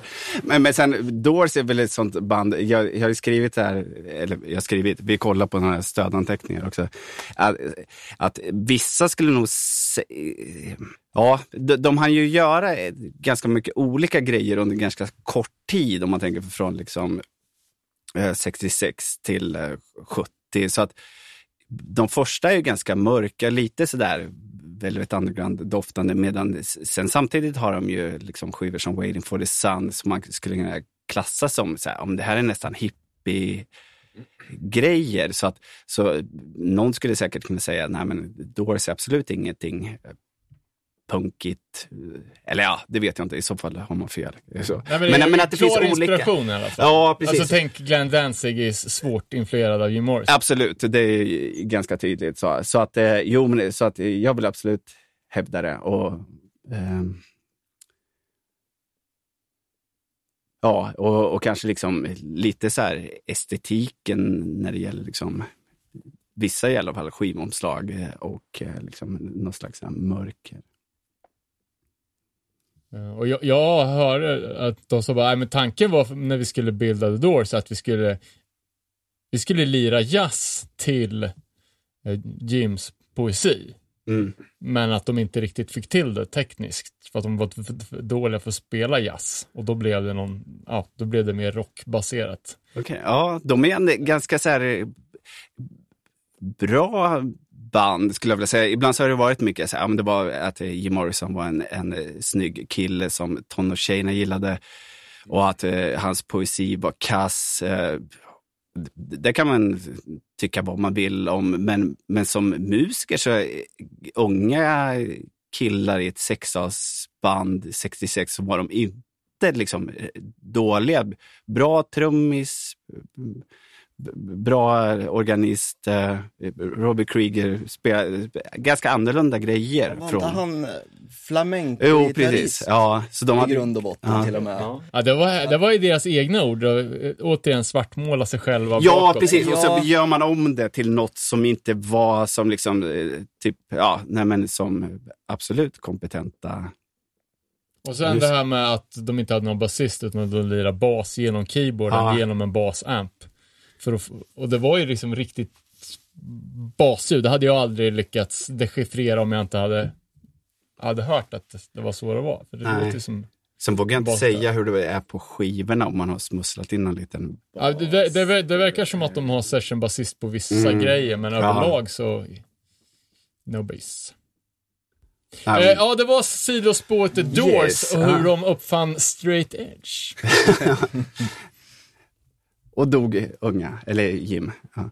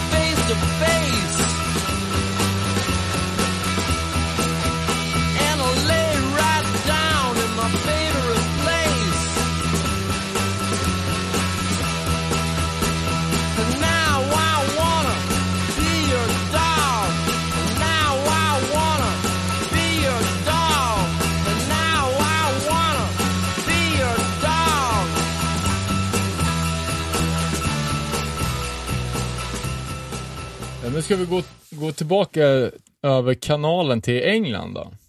Ja, och då tänker du att jag ska fortsätta Ja. där. Ja, precis. Men om vi tänker att vi var, gick nu från eh, i USA, att vi gick från liksom 65 och över då till eh, att vi började vara närmare runt 73, 74. Så eh, tänkte vi väl prata lite om vad som hände på de brittiska öarna. Det som skilde sig kanske med eh, de amerikanska liksom, så kallade garagebanden som Sonics och Seeds som vi var inne på, var ju att de som eh, var under samma tid eh, i England, The Who, Stones och Kinks, de fortsatte ju liksom och blev jättestora band som de flesta kanske känner till. Men vi tänkte väl kolla lite vad som hände då runt 70 nästan. Eh, och liksom vad som kommer att driva på det som kommer att liksom bli mer definierat som punk där. Jag har inte superbra koll. Jag tänker ganska många eh, band fanns det som gick från någon slags här pop och rock och blev lite hårdare mot någon slags här tidig hårdrock, eh, 67-68 där. Eh, ja, det, det finns det, men, eh, men runt där 70 lite, det är väl...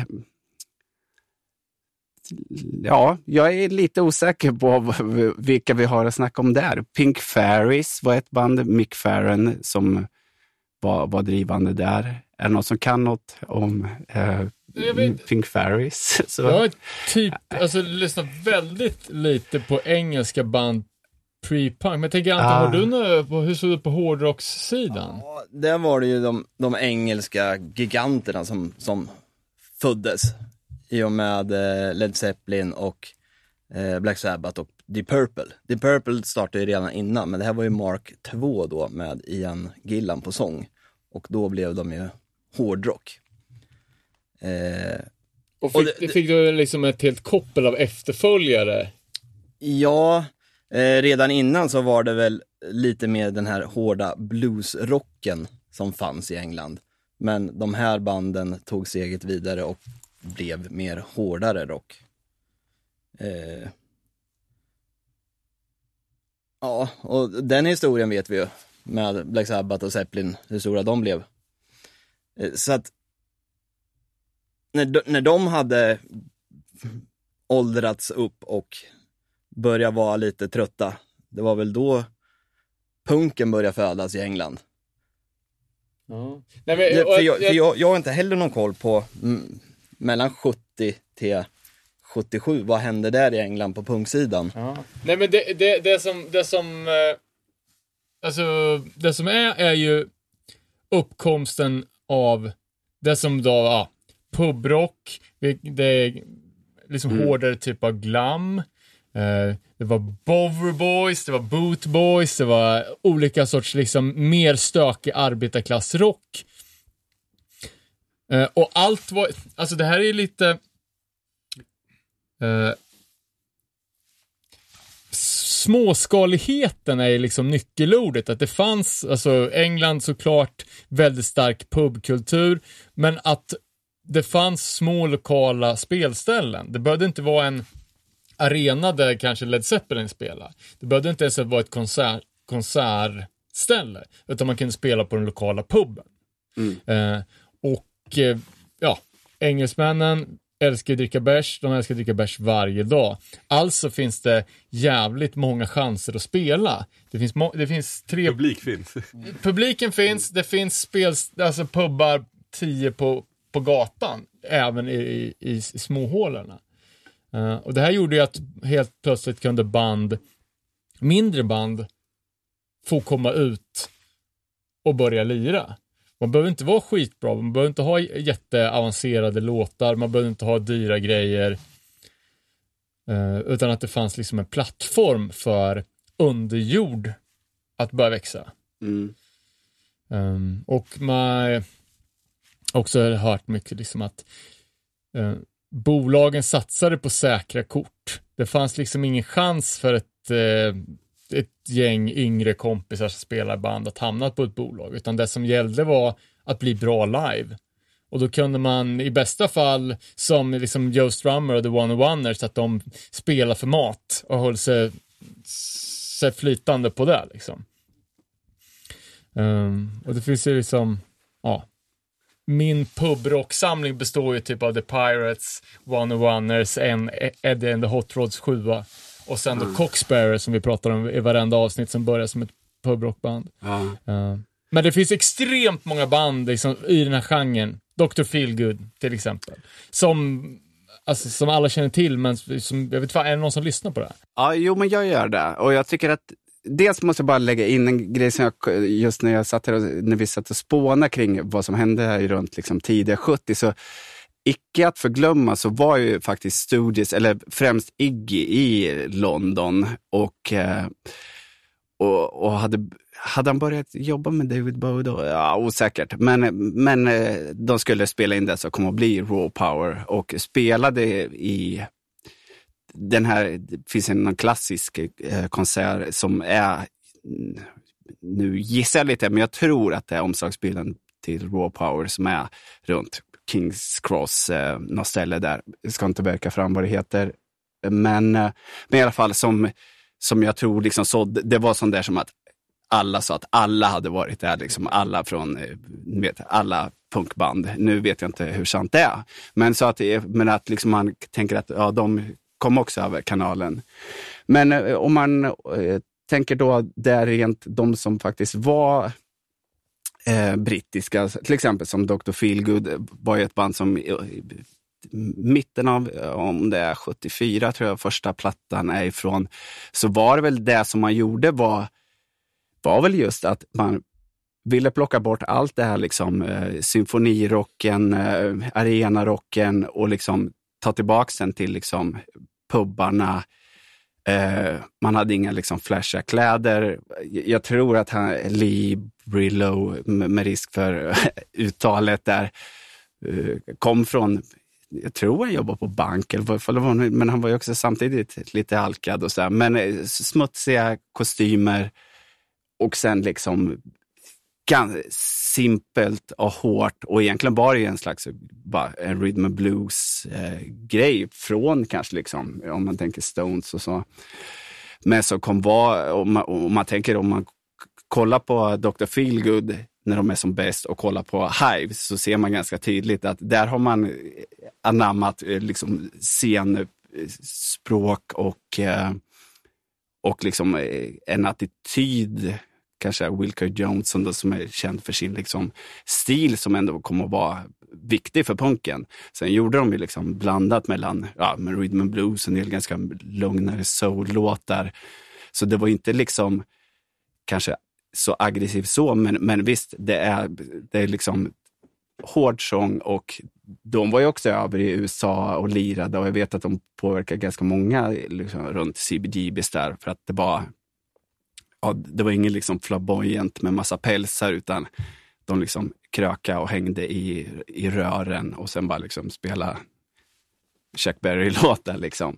Så att, eh, ja, men eh, så att, eh, jo, men så Dr. Phil har jag lyssnat en del på. Och sen var det andra som Nick Lowe som var ganska viktig. Han spelade på en som heter Brinsley Swartz och och ja, ehm, han, jag vet inte, han låg bakom, men han jobbade väl för Stiff då, som sen släppte Damned, va? Deras första skivor, tror jag.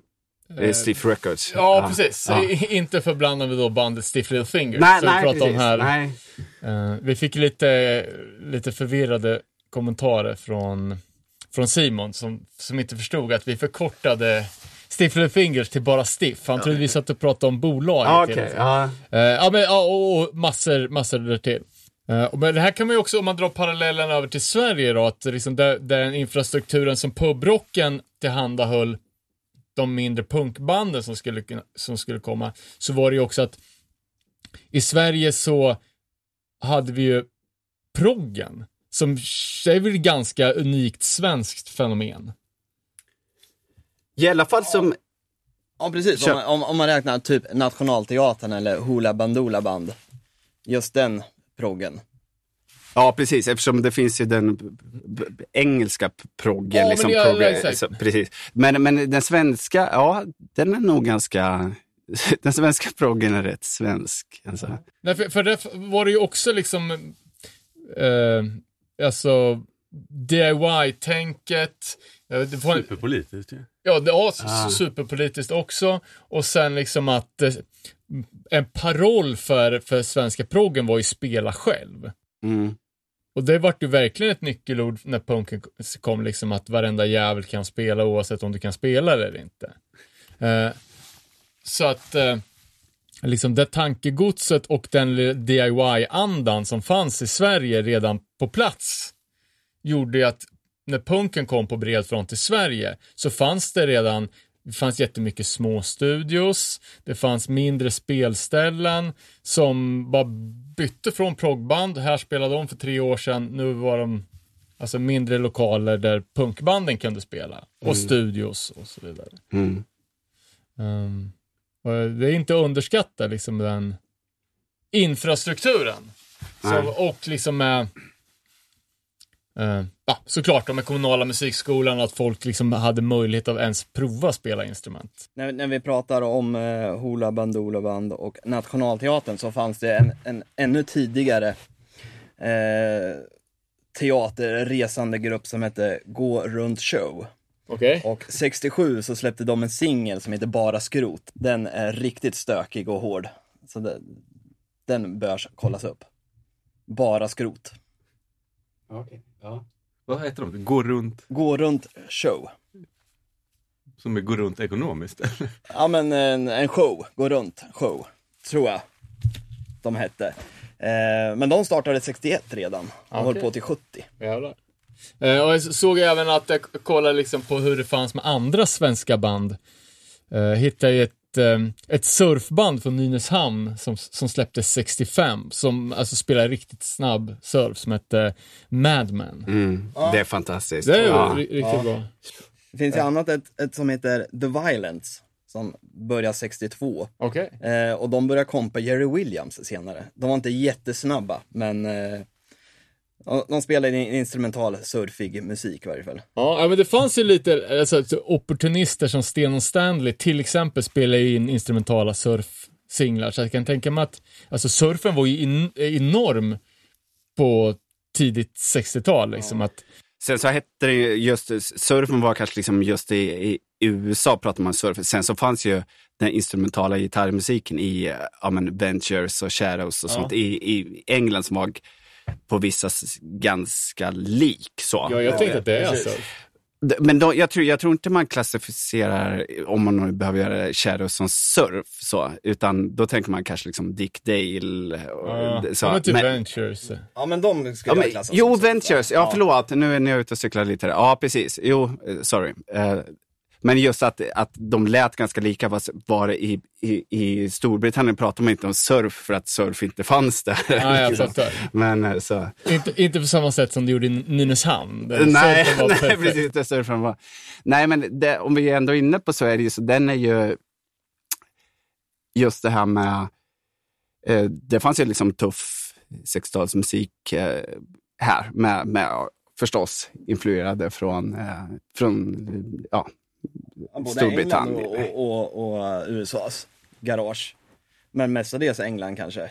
Ja, i alla fall i början tror jag så. Ehm, sen så vet ju inte jag, man brukar säga om det finns name losers, är kanske det som vanligt som man brukar benämnas liksom första, eller liksom svensk garagepunk. Som. Vad är det för ålder på det då? Det är ju ja, 64, eh, Ja. 64 till 66 och Friends är ett av mina favoritband som också är ungefär samma år.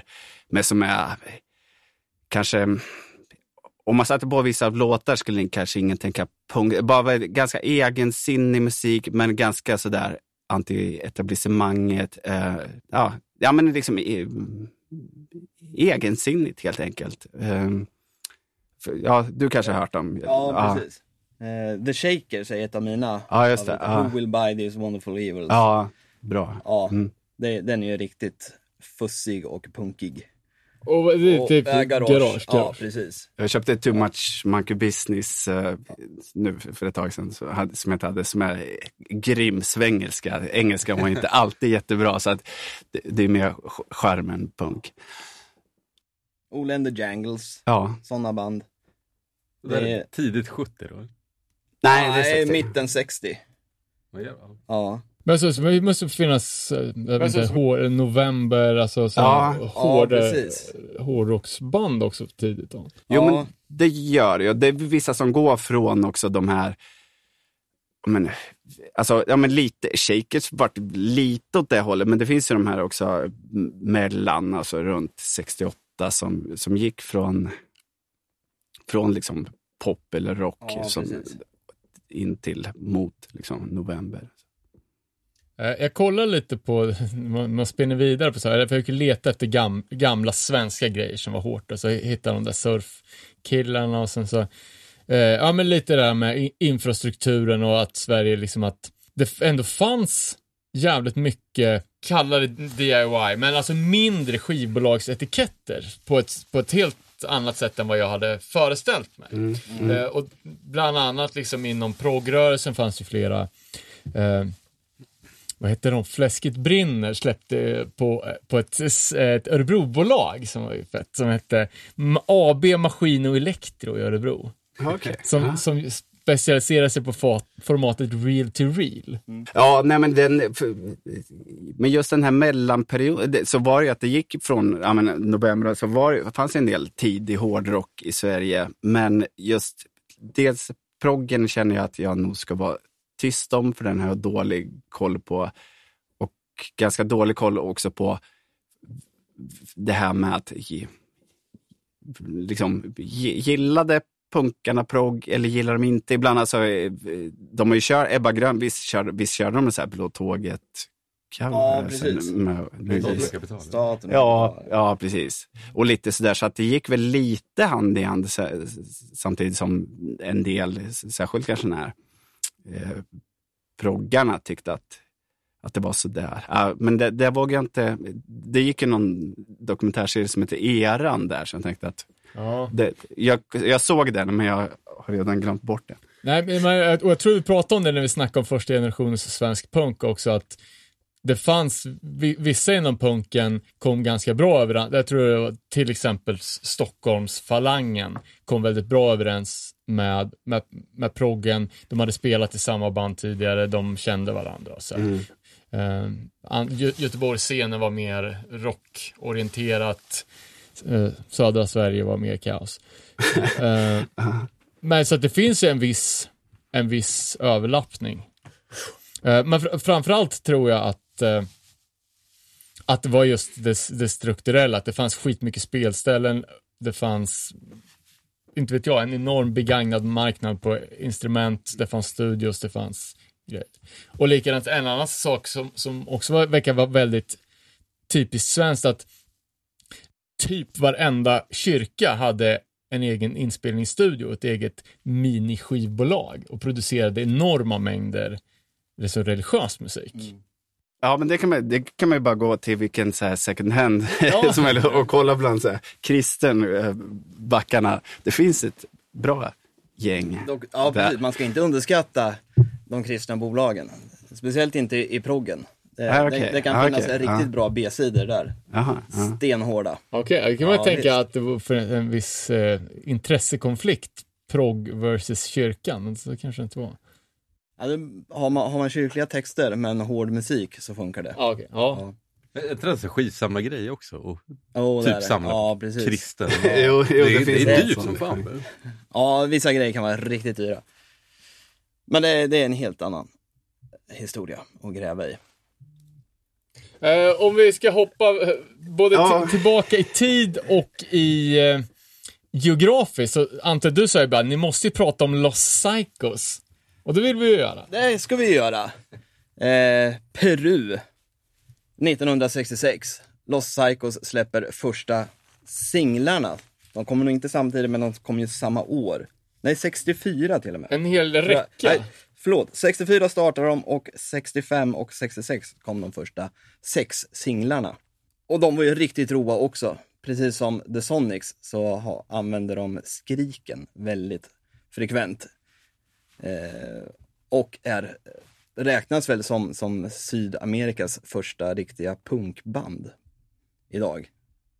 Eh, ja, eh, för det, de verkar ha gjort en, eh, alltså lite som det blev med Death from Detroit. Att de återupptäcktes Ja, lång, långt senare. Eh, och var ju väldigt omskrivna, så det var en liten eh, dokumentär på Noisy om dem.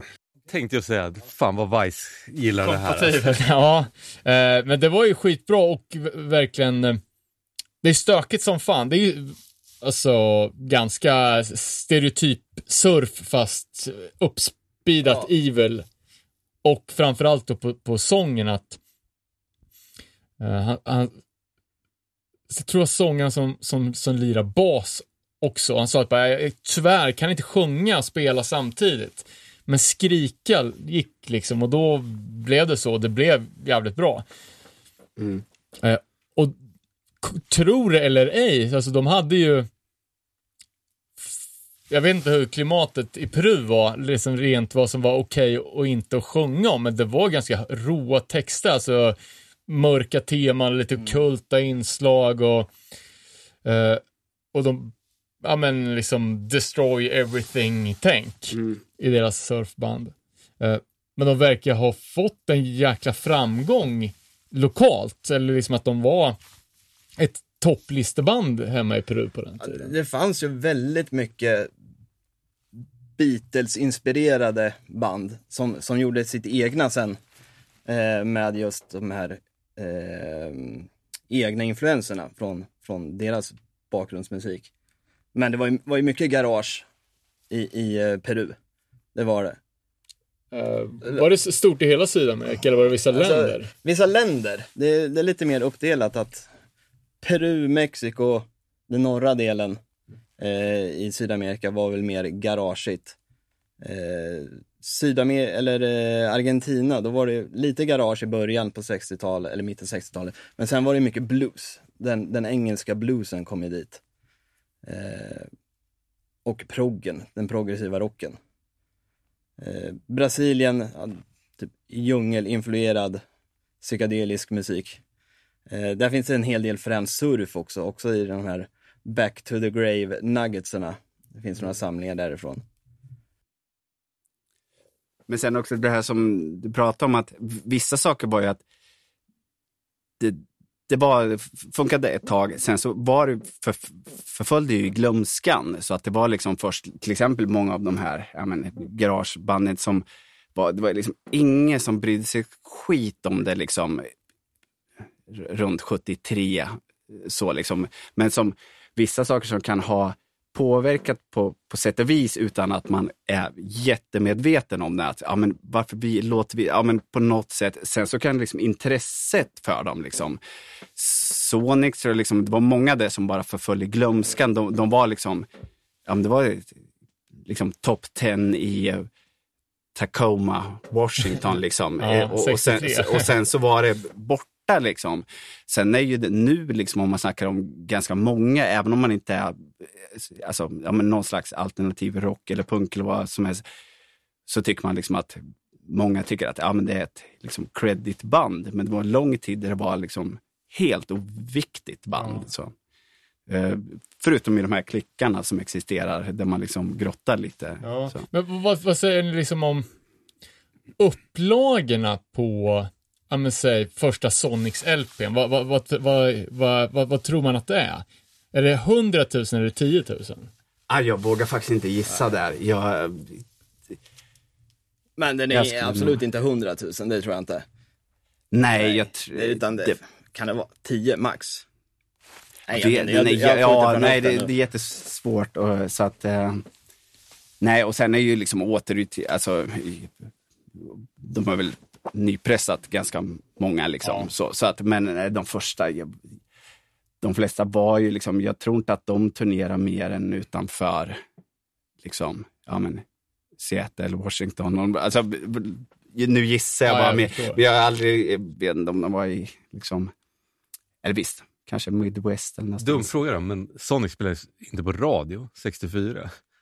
Jo, kanske, kanske på eh, de Lokal- liksom, lokal- lokaler. Sen var det därför att det fanns lokal, alla hade ju radio. Så det, det, liksom här är det ju så här, ja men P3, liksom, eller, eller var i alla fall för ett tag sedan. Så, här, så ser det inte ut i USA. Så det fanns ju liksom, ja men de är hit i liksom, eh, Ja, men lokalt, ja. ja, i Bumfuck Alabama eller liksom så brukar man nämna som, ja men, ja, nej så det, det vet jag inte. Nej, för eftersom en annan refererar till allting i hardcore-mått, man tänker att liksom, inte vet jag, första Beastie Boys 7 när de spelar hardcore kom ut till 500x och den är med på Killed by Death-samlingen som säkert sålde mer än 500x.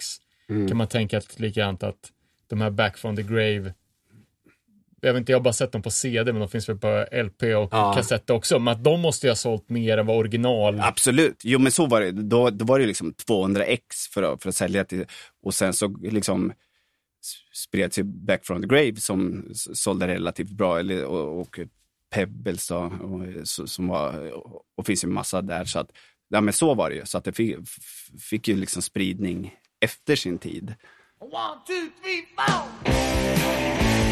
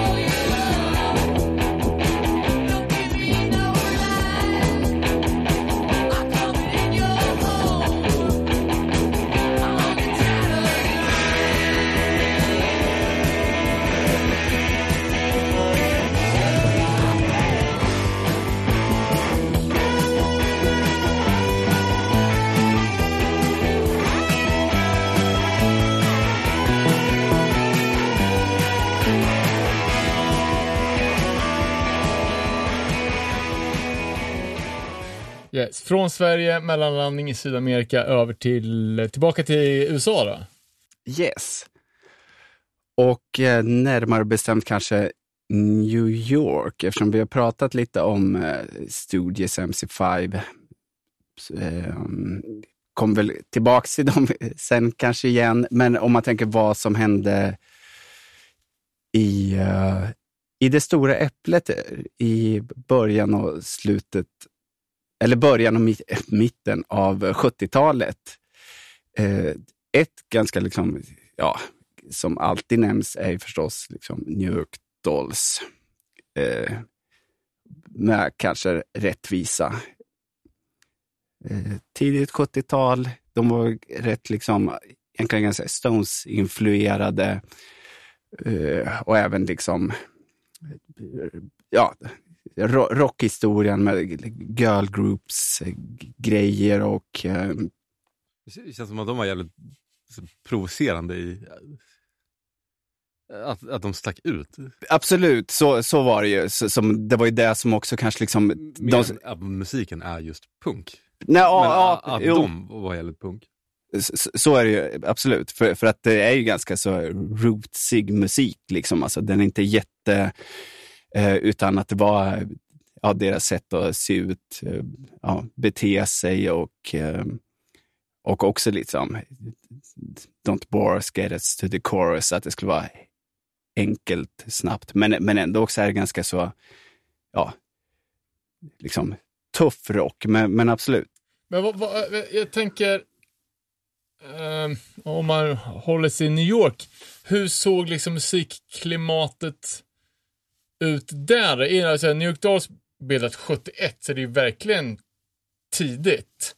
Eh, uh, CBGB som var liksom hubben för hardcore-scenen och som var hubben för New York-punken och uh, liksom det som var proto också, men Uh, var, var CBGBs up and running 71? tror inte.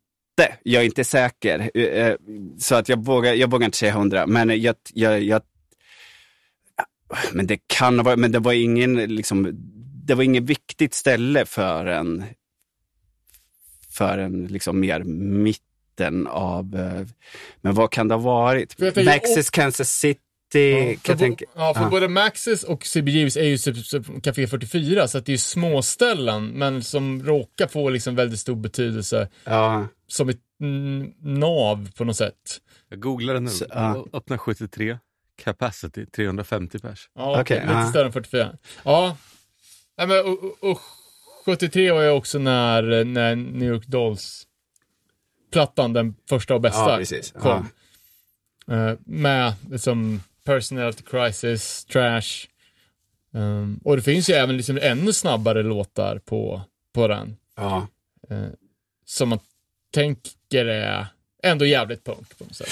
Och de var ju visst där som, som David sa också, liksom att det var ja, men, attityd, men också där att, att du, du kan också göra det här snarare än att det var liksom vissa riff som att oh, det där är ett punkigt riff. Så var det ju liksom Ramones och eh, alla var och kollade liksom och tänkte, ja, men, fan, Kan kanske går. Ja, men lite och en del hade ju, särskilt då som man brukar nämna just den här New York-scenen, att de var lite äldre än de liksom, brittiska punkbanden. Och då kan jag tänka liksom att det här var som en liksom, ja, men det är liksom indikation på att visst, det här, det här fixar jag, behöver inte liksom spela så här länge utan att jag kan göra något eget. Så att de var viktiga på det eh, sättet.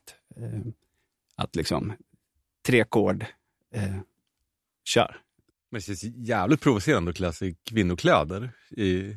Ja, de kom ju från lite från eh, Syl och eh, lite hos David Johansson kom från en teaterbakgrund. Så att, men, men sen var det ju samtidigt liksom Johnny Thunders, det var ju liksom hoodlums från liksom italienska släkt, där det var så här, de får fan inte tro att jag är någon eh, queer liksom. Så, så, att, så det var inte så att den var att den var helt liksom Visst, sen så var ju inte de särskilt, den som den kan jag inte tänka mig, men det var ingen, det fanns ändå liksom som ganska intressant också sen att, att det även kunde finnas en liksom machokultur inom som typ Mick Ronson som spelar med David Bowie som vi kanske kom in på sen lite eller, eller inte, som också var att tyckte att de var ändå liksom så här, ja, men, arbetargrabbar och tyckte att ingen får tro att något annat. Men så märkte de att ja, men det här gillar ju tjejerna, så att okej, då, då funkar det va. Så här, Okej, jag kör på det. Nej men det har ju hänt, eller liksom andra hardcore-band som TSOL också liksom John Grisham körde i eh, högklackat liksom, men om någon kollar snett då vart det ju slagsmål. liksom. ja. Så att, eh, bo, macho queer på, på, på något skönt. Ja, faktiskt. Ja, precis. sätt, Ja, tänker. det är ju inte helt så här politiskt korrekt, men det kunde vara liksom men, men, ja, nej, men utifrån New York Dolls så kom ju också, eh, apropå, eh, man pratar om liksom crossdressingen och så var det Wayne County var ju ganska tidig bara. Alltså, också där just den här, ja, lite så här, den scenen. Och sen så är man väl nästan inne där på, ja nej men Dictators är inte förglömma heller och Har jag typ inte hört. Nej, okej. Nej, För, för deras första är från 70... Är den 75 eller 70, 75, tror jag. Ja. Eh, som är... Ja, men de, de var ett ganska tydligt inslag av Stooges, men ändå lite mer så att det här ska vara... Eh, det här ska vara kul, lite liksom mer så här grabbigt. Liksom rock, hamburgare, bilar, men, men också nu var det ett tag sedan jag lyssnade på skivan så jag kommer knappt ihåg vilka låtar, men, men, också, men också gillar Stooges och sådär. Eh, men inte lika, mm,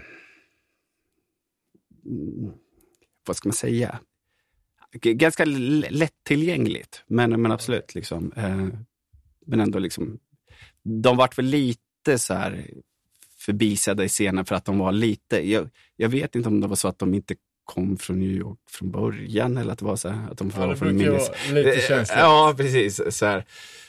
Eh, nej, men det- den var väl ändå viktig så, och, och, och när vi ändå pratar om den så var det ju, i samband med det så var det Punk Magazine som, eh, som startades i New York också.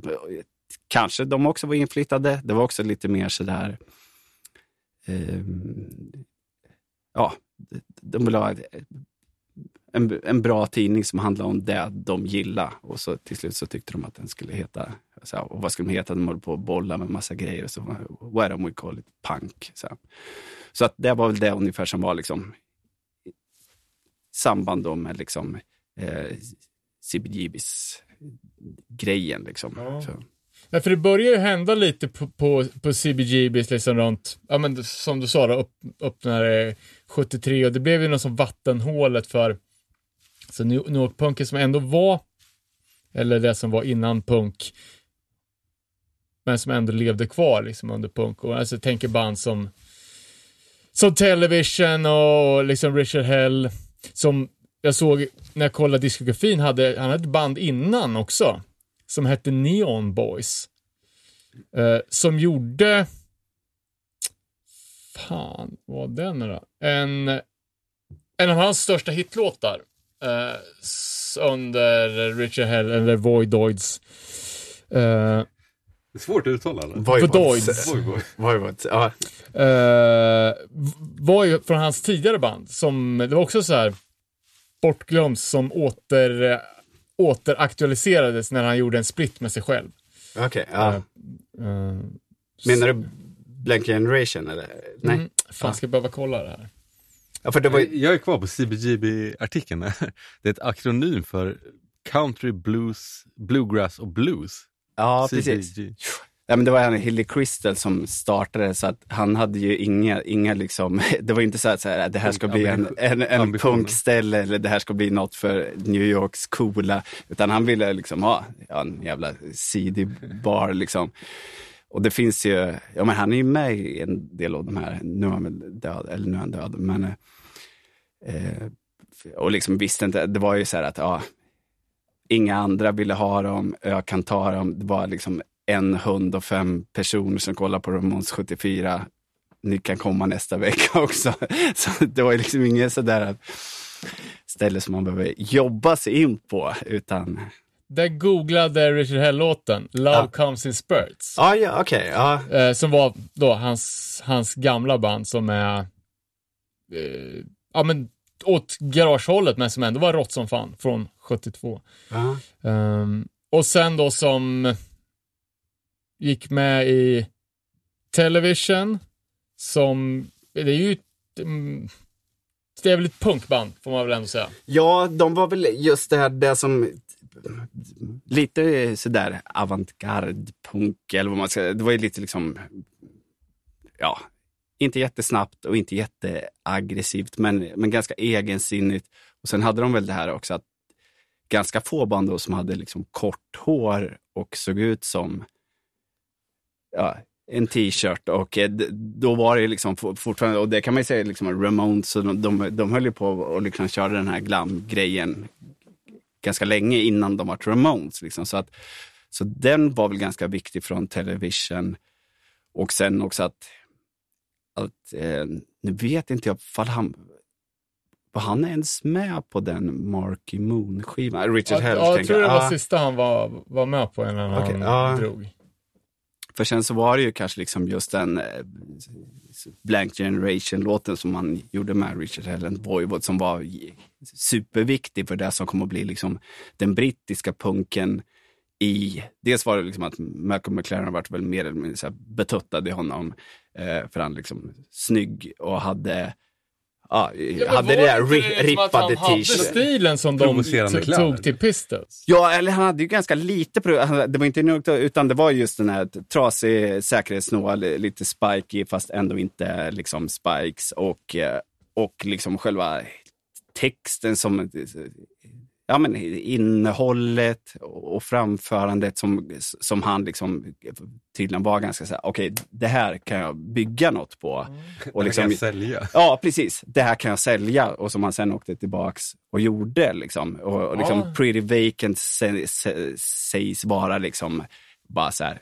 Ni ska bara låta som det här. Så hade han liksom bara eh, visat och spelat Richard Hell. Så att, eh, sen försvann väl Richard Hell, tror jag, lite sådär liksom. Ja, han gjorde ju ett Så- inhopp i Heartbreakers också. Ja, ja förstås. Ja, precis. Men jag tänker just så här sen F8. Ja, men sk- skitsamma. Men eh, så att han var ju jätteviktig för den brittiska eh, scenen. Ja, men jag också uppfattade det som att han var lite så här, mallen stilmässigt. Precis. För ja. det var väl lite spretigt. Jag menar, Ramones hade ju sin, sin stil, men också, det var inte så mycket tuppkam. Nej, det var det inte. Men att han liksom var mer mallen för den punkklädstilen som blev stor i England sen. Mm. Eller Please kill me t-shirten. Ja, precis. Men jag tror att det var Richard Lloyd som fick ha, de, det, var någon så här att, för då var det ju fortfarande jäkligt, ja, och det var ju ganska länge in i New York, men liksom rått. Och då så skulle de liksom skicka iväg honom på någon klubb och, och där det står, han får den där t-shirten, där det står liksom please kill me. Så, Är det inte Fan, ett sikte också? Ja, precis. Så fan, ska man ha det här liksom? Eh, för att det var en inbjudan till att, ja. Det är knas, ja. ja. Ja, men nu hade ju ingen höjt på ögonbrynen. Nej, Sånt nej, liksom. nej.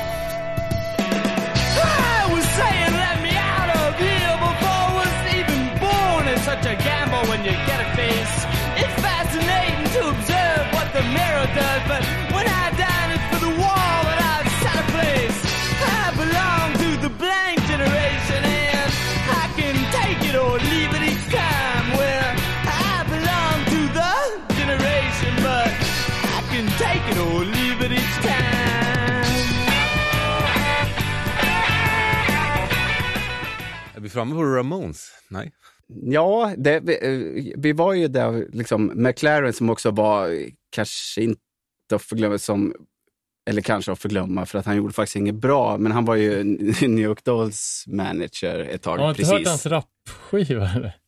Malcolm McLaren? Ja. Nej, jag vet inte. Fan, kan han ha gjort en... Ja, han har ju i alla fall gjort en, Det, kan, det en, en rap. Ja, jag känner igen. gjorde väl... eh, Didi. Ja, och, Ja, också, Didi King. och kan... eh, Can Rotten har gjort det med Afrika Bambata också, en riktigt Ja, men det tror jag. Han skulle också Ja. vara med i Melodifestivalen. Ja, men det förvånar mig inte alls. En del blir så här, va? Jag tycker att liksom Big Brother, Melodifestivalen, Johnny Rotten. Ja, Men nu- börjar vi ändå komma fram till det som man, vi kallar punk. ja. Så jag tänker väl om, om, om vi, precis, eh, om vi tänker att han, han flög över till Storbritannien och eh, sen var det väl lite det här som vi diskuterade om glamrocken och Motte Hoople och eh, skin-grejen, hur det påverkar punken. Ork, känner vi, orkar vi ta det eller Det ska känns vi som att bara... det är ett annat avsnitt. Ja, det- och jag känner inte att jag kan tillföra jättemycket där. Men det var väl den, det var ju också de banden som var stora då, 72, liksom Motte Hoople, Slade, Sweet. Eh, som, det var väl det som de som kom och liksom spelade punk sen fick lyssna på, vare sig man ville eller inte. Ja. Nej, men just det, nu snackar vi inte så mycket om dem, men Hawkwind, Eh, uh, som man alltid, ja men det är liksom Lemmys tidigare band, att de var liksom eh, blandade psychedelic med hårdrock typ. Och att, eh, ah, uh, Lemmys sköna citat, liksom att alla behöver några sköna år på syra för att liksom rensa sinnet och gå vidare. Liksom. Uh, Men jag läste sen att, liksom att Hawkwind var ett superviktigt band uh, för de personerna som sen skulle spela i punkband. För att det var liksom ett, ja men det var lite av, inte vet jag, Fatt, fattar du Hawkwind så kommer du fatta det här sen. Det var liksom ett, kvalit, en liten kvalitetsstämpel på, på att eh, det var inte det de, de gillar nu, men det var det de gillade då. Och då visste man att, de, att kompisen hade god smak. Typ. Ja. Så förstod jag det. Jag är nog för dålig på Hawkwind för att uttala mig, för jag tänker vissa som är, som vi kör liksom så här, mother breath, som ibland snackar man om det som, liksom, ja men det var Lemmys, inte första band, men där kanske han spelade, liksom slog igenom i, så var det ju ändå inte, det var, en, det var ju andra som styrde där. Och, eh, och vissa saker är ganska liksom att, mm, ja men liksom punk, och sen är väl vissa saker ganska så liksom far out, nästan så att man tycker att ehm, Ja men visst, de gjorde ju Instrument- massor med skivor, Ja. ganska spret, Ja. eller så det finns ju olika eror liksom. Ja, jag ska nog bara vara tyst när det gäller Hawkwind känner jag. Men, men en, När är en, första Motörhead ifrån? Är det 75? fem, så, 75, ja, det- något i den Dåligt på fall. också. Liksom. Men det är också punk i det. Ja, det, det är ju- och lite pub, det är pubpunkigt hårdrockigt. Så, ja. Nej, men jag Ja. tycker du har en, en antilista här, och ser det lite lockande ut. ja, precis. Är det, Det är liksom en övergripande antilistan. Vad, vad vill de här banden gemensamt inte ha? Ja, och jag tänker väl att, den här, att det här kanske representerar den, alltså det som sen var, inte, inte den här protopunken, för då tror jag eftersom nu har vi rört om, så, om liksom ett spann, men, men det som man brukar höra dem, och då snackar man kanske liksom, ja men, Ramones och jag vet inte, sex, nej, men, liksom de 76-77 banden om vad man var trött på. Att det skulle vara liksom, ja men Emerson, Lake and Palmer, Yes, Styx, Hippies, Gitarrhjältar, symfonirock, disco, eh, Elefanterna, som man kan kalla alla de här. Ja, men Stones hade ju blivit elefanter och The Who och sånt. Och liksom den vanliga radiorocken och, och västkustrocken med Eagles och Linda Ronstedt och sådär. Ganska så här, tillrättalagt. Eh, Ja, precis. Sen tror jag att man, sen så är de ju alltid, liksom, man kan tänka att, om vi säger så här, Ramones kan säga att äh, men de gillar inte hippies. Sen så några år senare gör de ju sin Acid Eaters och spelar ändå liksom eh, Somebody to Love med Jefferson Airplane som, som vissa kanske liksom Spelar de den låten eller spelar de tillsammans? Nej, de gör den som cover. Ja. Och nu är de, ja, det är sån här 67 när det bara, ja, vad, som är, vad, vad, vad är bra psyk och vad är hippies liksom. Det, det är lite otydligt ibland. Men eh, Joey, han gillar väl ABBA som fan. When the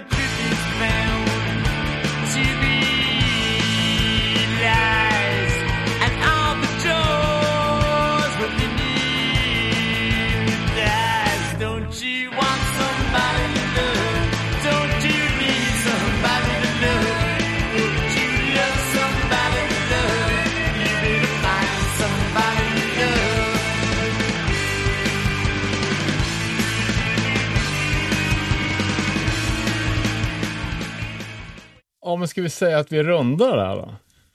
Ja, det tänker jag nu. Nu var det liksom, vi hann väl täcka det mesta och, och eh, ja, var väl det vi, som vi pratade om, eller som jag pratade om, då, liksom Bomb Greg Shaw i Los Angeles, lite där som skulle vara, som var viktigt. Men sen tycker jag annars att vi har väl täckt det relativt bra. Vi får ta det här, de andra länderna en, en annan dag kanske. Ja. Nej, men det, är kul. alltså, Ja. det är ett svårt och, och brett ämne, känner jag. Men Mm. eh, jag har i alla fall fått upp ögonen för en hel, en hel eh, radda med bra, i alla fall singlar från o- olika artister och eh, det finns jävligt många låtar som man har hört förut som är värda att gå tillbaka till. Ehm, så vi kommer få en bra playlist till det här Mm. avsnittet.